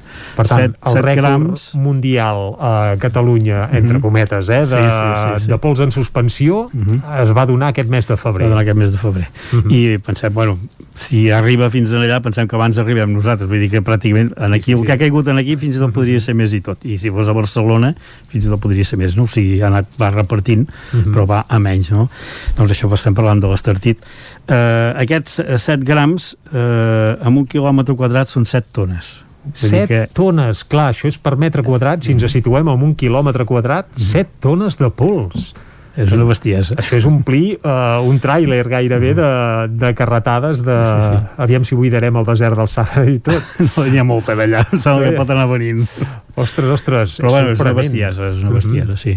Carai, ostres, doncs eh, ens has deixat eh, esma perduts, eh? És, De la mateixa que per- manera que em va deixar una mica com ho va Sí, explicar. sí, és a dir, per cada quilòmetre quadrat ompliríem un camió de, bé, de sorra d'aquesta de, que ens va arribar del desert del Sàhara si tenim en compte la, entre cometes, precipitació, no sé com se n'hauria de dir, si el que cau és sorra, no pas aigua, si és precipitació igualment o no, bueno, però vaja, que tot Catalunya haguéssim omplert centenars i centenars Sí, de sí. camions amb sorra del desert. Sí, sí, sí, és així. Veus, ara se m'acut, és un disbarat, però la podríem dur cap a les Terres de l'Ebre i poder contribuiríem Aniria molt a bé. evitar l'erosió i el, bé, i, i el malbaratament del, del delta si el anem omplint amb sorra nova.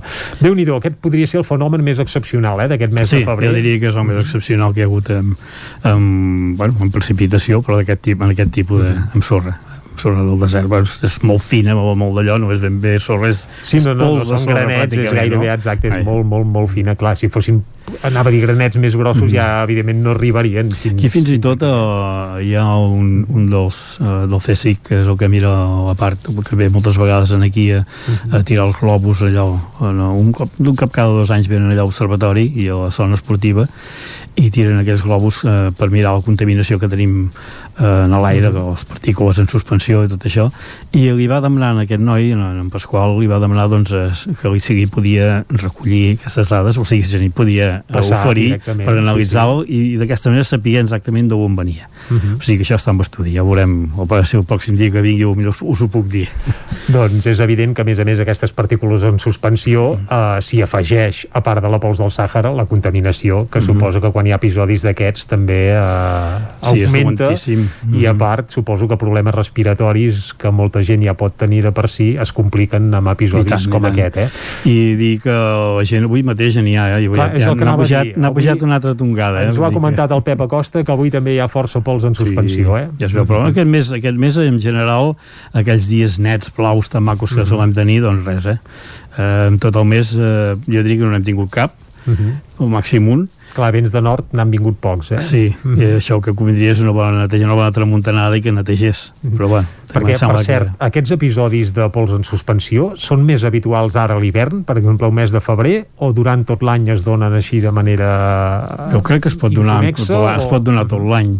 Jo crec que... És a dir, no, no hi ha, a l'estiu no són més presents aquests episodis. A veure, a l'estiu tenim més, més eh, vent en aquí de, de la banda de, de sud, vull dir que generalment seria més l'estiu que no pas ara, perquè generalment ara el que és la, la o sigui, el, eh, com en diuen, eh, la marinada generalment que, és, que és el que ens porta la contaminació de Barcelona i aquí es crea l'ozó doncs és quan ens, ve, ens bufa marinada i marinades en aquest en l'hivern no n'hi ha, ha poques. Vull dir que sí que hi ha alguna excepció com ens ha set aquest any però generalment sol ser més a l'estiu les marinades que no pas a, a l'hivern. Uh, ja que estem parlant de pols en suspensió, aclarim també això de la neu taronja o marró, que s'ha vist, eh? és un episodi que s'ha vist aquests dies, quan neva i la neu diguem que és marró, és perquè porta pols en suspensió, eh? tot i que l'última va ser amb sec i va quedar, sec, correcte. va quedar a sobre sense caure ni una gota què més? Uh, Què més? Va, Digue, seguim digue, bueno, quan hi, ha, quan hi ha aquesta mes. suspensió també uh, en tenim sort en parell, però en tenim sort de les mascaretes Ah, veus? perquè si no ens ho passem tot uh, Oh, l'única Això és molt recent, eh? Això l'any passat, ara mateix fa un any, uh, ningú duia mascareta. Mhm. Sí, sí, sí. Per tant, la pols ens l'empassàvem tota. i uh, dir també doncs, que la gent que els agrada fer esport que tinguin Mhm. present això que si hi ha pols en suspensió uh, millor que, que facin l'esport un altre dia i que sigui més net Per tant, amb coronavirus o sense, en episodis de, això, de pols en suspensió, seria aconsellable anar amb mascareta. Sí, o, uh -huh. o esperar que, que, que es millori l'ambient, no? O sigui, esclar, uh -huh. són, són partícules que són a l'aire i que ens les empassem. Això ho havíem vist a la Xina, sobretot amb episodis d'alta contaminació, que la Mhm. gent hi anava amb mascaretes en l'època pre-Covid i, guaita, doncs ara Mhm. potser serà qüestió d'acostumar-nos-hi en episodis com aquest. Bueno, millor que ens la Va. puguem treure aviat. Sí, no, no, tant de bo, tant de bo, tant de bo. Què Això més? voldrà dir que deixem enrere Mhm. la pandèmia. Què més, va, què més hem de dir del mes de febrer? Uh, bé, de, també sobre els pantans, bueno, el riu, uh -huh. el, que és el pantan el tenim Correcte. ple, dir que ha pràcticament són plogut plens. poc, però no anem es mantenen, amb sequera, eh? sí, està un 82% el de Sau mateix, l'altre està més ple i eh, dic, per exemple, que no fa gaires dies eh, el problema que vaig tenir amb, amb, amb aquesta episodi de pols Uh -huh. doncs el problema que tenim que tenim 52 càmeres muntades pots pensar què va passar no?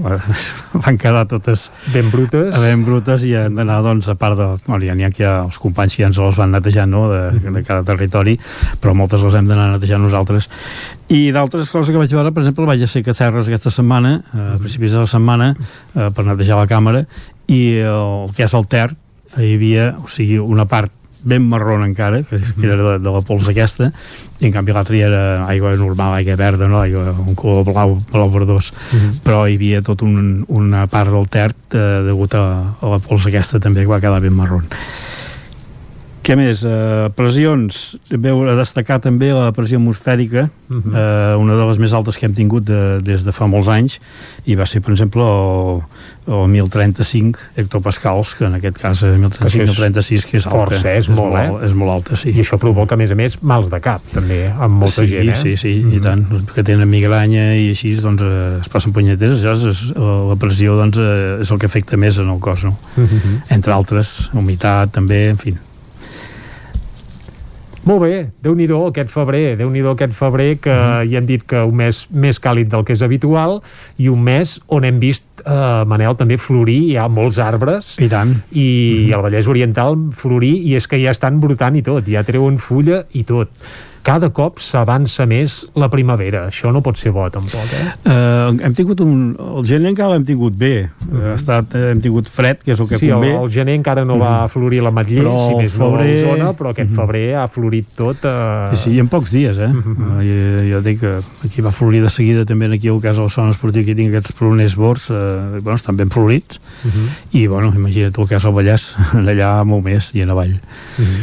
Uh, altra cosa que tenim que tampoc és bona és uh, la passionària que ja comença a sortir a córrer pels boscos. La dir que- del Pi famosa, eh? Sí, sí, sí, sí. i d'altre que ens assenyala que, que, també aquest, que hi ha aquest bon temps són les cigonyes i han passat tres estocs de, de cigonyes per aquí sobre nostra, vull dir que direcció cap al nord. Vull dir que també ens assenyalen doncs, que, que bon, ja bon temps. la primavera aquí déu nhi cada, cada any sembla que se'ns acosta més, més aviat la primavera i això en el fons ens indica que el canvi climàtic, per molt que hi hagi episodis de puja i baixa i que es Mm. podin donar episodis de fred, per exemple, durant el mes de març, és evident que, que el canvi no té aturador i que es pot palpar amb, amb temes com aquest. Eh? Uh, Manel, a la part final t'hem de preguntar també pel temps, evidentment. Eh? Què farà? Avui, avui pot caure alguna cosa, perquè si cau segurament serà d'aquells dies que embruta els cotxes, també. Sí, eh? segur. Podria caure alguna gota. Jo crec que aquí no ens arribarà, eh? Hi ha aquesta pertorbació que afecta més a la banda del País Valencià i surt de Tarragona. No crec que ens arribi. Podria arribar alguna gota, però seria molt poca cosa i això sí, sí, és, serà en fang. eh, pel que fa al mes, que ja sé que em demanaràs el mes de març Sí, què farà. també, també, clar, ja home, ja sé que el mes és molt llarg i fa de molt mal dir, eh? però nosaltres he vingut- he sempre... fet deures, va. He fet deures, doncs va. De moment, eh, aquest cap de setmana sembla que sí que podem tenir ruixats a partir de divendres, divendres i dissabte. És a dir, fins divendres, tranquil·litat. Fins eh? divendres, eh, sí, nuvolades, eh, aquest cel així enclixadot, eh, que pot donar algun fenomen d'aquests meteorològics que hi ha a vegades, aquests òptics eh, de, de falsos sols, eh, unes, aquells senyals al costat del sol, Mhm. eh, algun halo solar també pot donar, eh, vull dir que tot els fotògrafos, si estigueu al cas. I, eh, estan. Sí, a partir d'aquí, doncs, eh, a part d'aquests ruixats, eh, sembla que la temperatura es tendència es mantindrà si fa no fa suau igual, vull dir que la tendència és que, que sigui un Per altre més, un sobre de altre la més càlid. eh? Mhm. Perquè fa precipitacions, sembla que poca aigua també, i en tindríem, per exemple, a, mitja, a mig mes eh, hi ha també un marca també que pot haver-hi pluges cap allà al 17, així 16-17, Mhm. i eh, Vaja, per final- Sant Josep podríem estar remullats. Sí, podria haver-hi, sí, entre el 17 i el 20 sí, podria haver-hi aquests, aquests ruixats i a la resta, doncs, eh, temperatures de 15 a 20 graus, vull dir que sembla que no passaríem d'aquí entre els 15, 20, 20, 21 graus. És a dir, fredurades i no, no, se'n marquen, no, marquen aquests dies de 2, 3 graus, eh, no, no marca temperatures eh, sota zero, de moment, de, del que veiem, eh? ja saps que llavors pot passar el que Ah, vulgui, sí, eh? no, ja se sap, ja se sap. I a més el març ja ho diu la dita popular, mm -hmm. uh, març marçot, mata, Mata la la vella, vella. i la jove s'hi pot. Això ja indica que és un mes molt irregular, És molt on es irregular. poden donar grans calorades, però també nevades. Jo en recordo algunes, eh? El Sí, mes de març, el uh, 4 la o plana i 6 tot, va eh? ser, va caure més d'un pam de neu, sí. Vull dir que és possible, eh? Vull dir que depèn de com canvia el temps, eh, una entrada... És, és, clar, és el mes que ja comença a entrar, la, o sigui, ja comença a fer calor i comença El sol ja a- a escalfa, el dia el s'allarga, es nota que el dia es fa pot més entrar llarg. una entrada, una entrada d'aire fred i això donar, doncs, eh, eh, hi ha tempestes i fins i tot, eh, bueno, i, i també podria fer alguna nevada, ho que dèiem ara. I Però no, ja- no ens en fiem. Però ja ens has dit que tu ara mateix no la veus, eh? De moment no la veiem.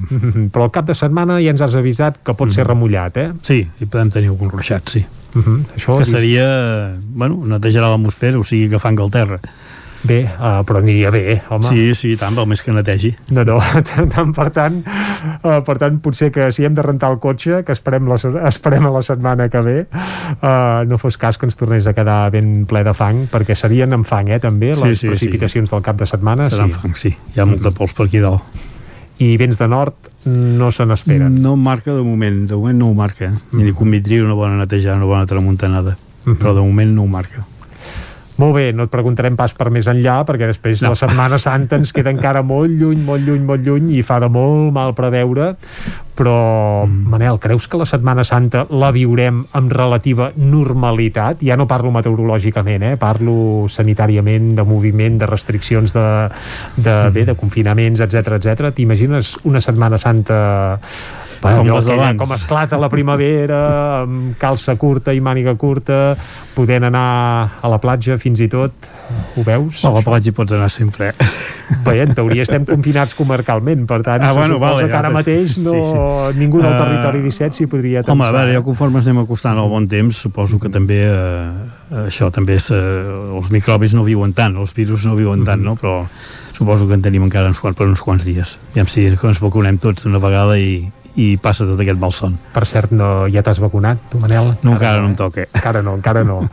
Molt bé, doncs Manel Dot, eh, meteoròleg, moltes gràcies per haver-nos visitat una setmana més aquí a Territori 17. Esperem, quan arrenqui el mes de març, uh -huh. no, no el mes de març, quan arrenqui l'abril, és que passa el temps que és terrible. Sí, vola, vola. T'esperem quan arrenqui l'abril i passarem balanç d'un mes de març que de moment sembla que també es presenta càlid i sense grans sorpreses, almenys a, a la vista. Manel, moltes gràcies. Eh? A vosaltres, bon dia. Bon dia, Manel. I nosaltres ara de seguida enforquillem la part final del Territori 17.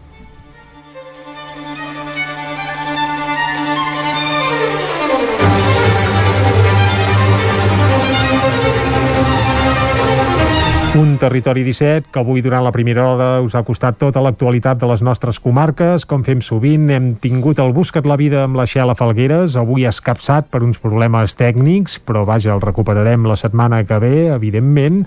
També hem parlat d'economia amb el Joan Carles Arredondo i hem acabat parlant de meteorologia amb el Manel Dot, que ens acompanya cada mes per fer balanç del mes que hem deixat enrere. Ara el que ens toca a nosaltres és dir-nos adeu. Dir-nos adeu i emplaçar-vos a demà. Com sempre us farem companyia des de les 9 del matí fins a les 12 del migdia i avui hem fet el Territori 17 amb Vicenç Vigues, Clàudia Dinarès, David Oladell, Caral Campàs, Isaac Muntades, Xela Falgueres, Isaac Moreno, Arnau Jaumira i també amb la companyia de Manel Dot. Nosaltres tornarem demà i com sempre, ja ho sabeu, hi serem des de les 9 del matí i fins al pic del migdia, fins a les 12. Salut i que vagi molt bé. Adeu! Territori 17, un magazín del nou FM. La veu de Sant Joan, Ona Codinenca i Ràdio Cardedeu amb el suport de la xarxa. El nou FM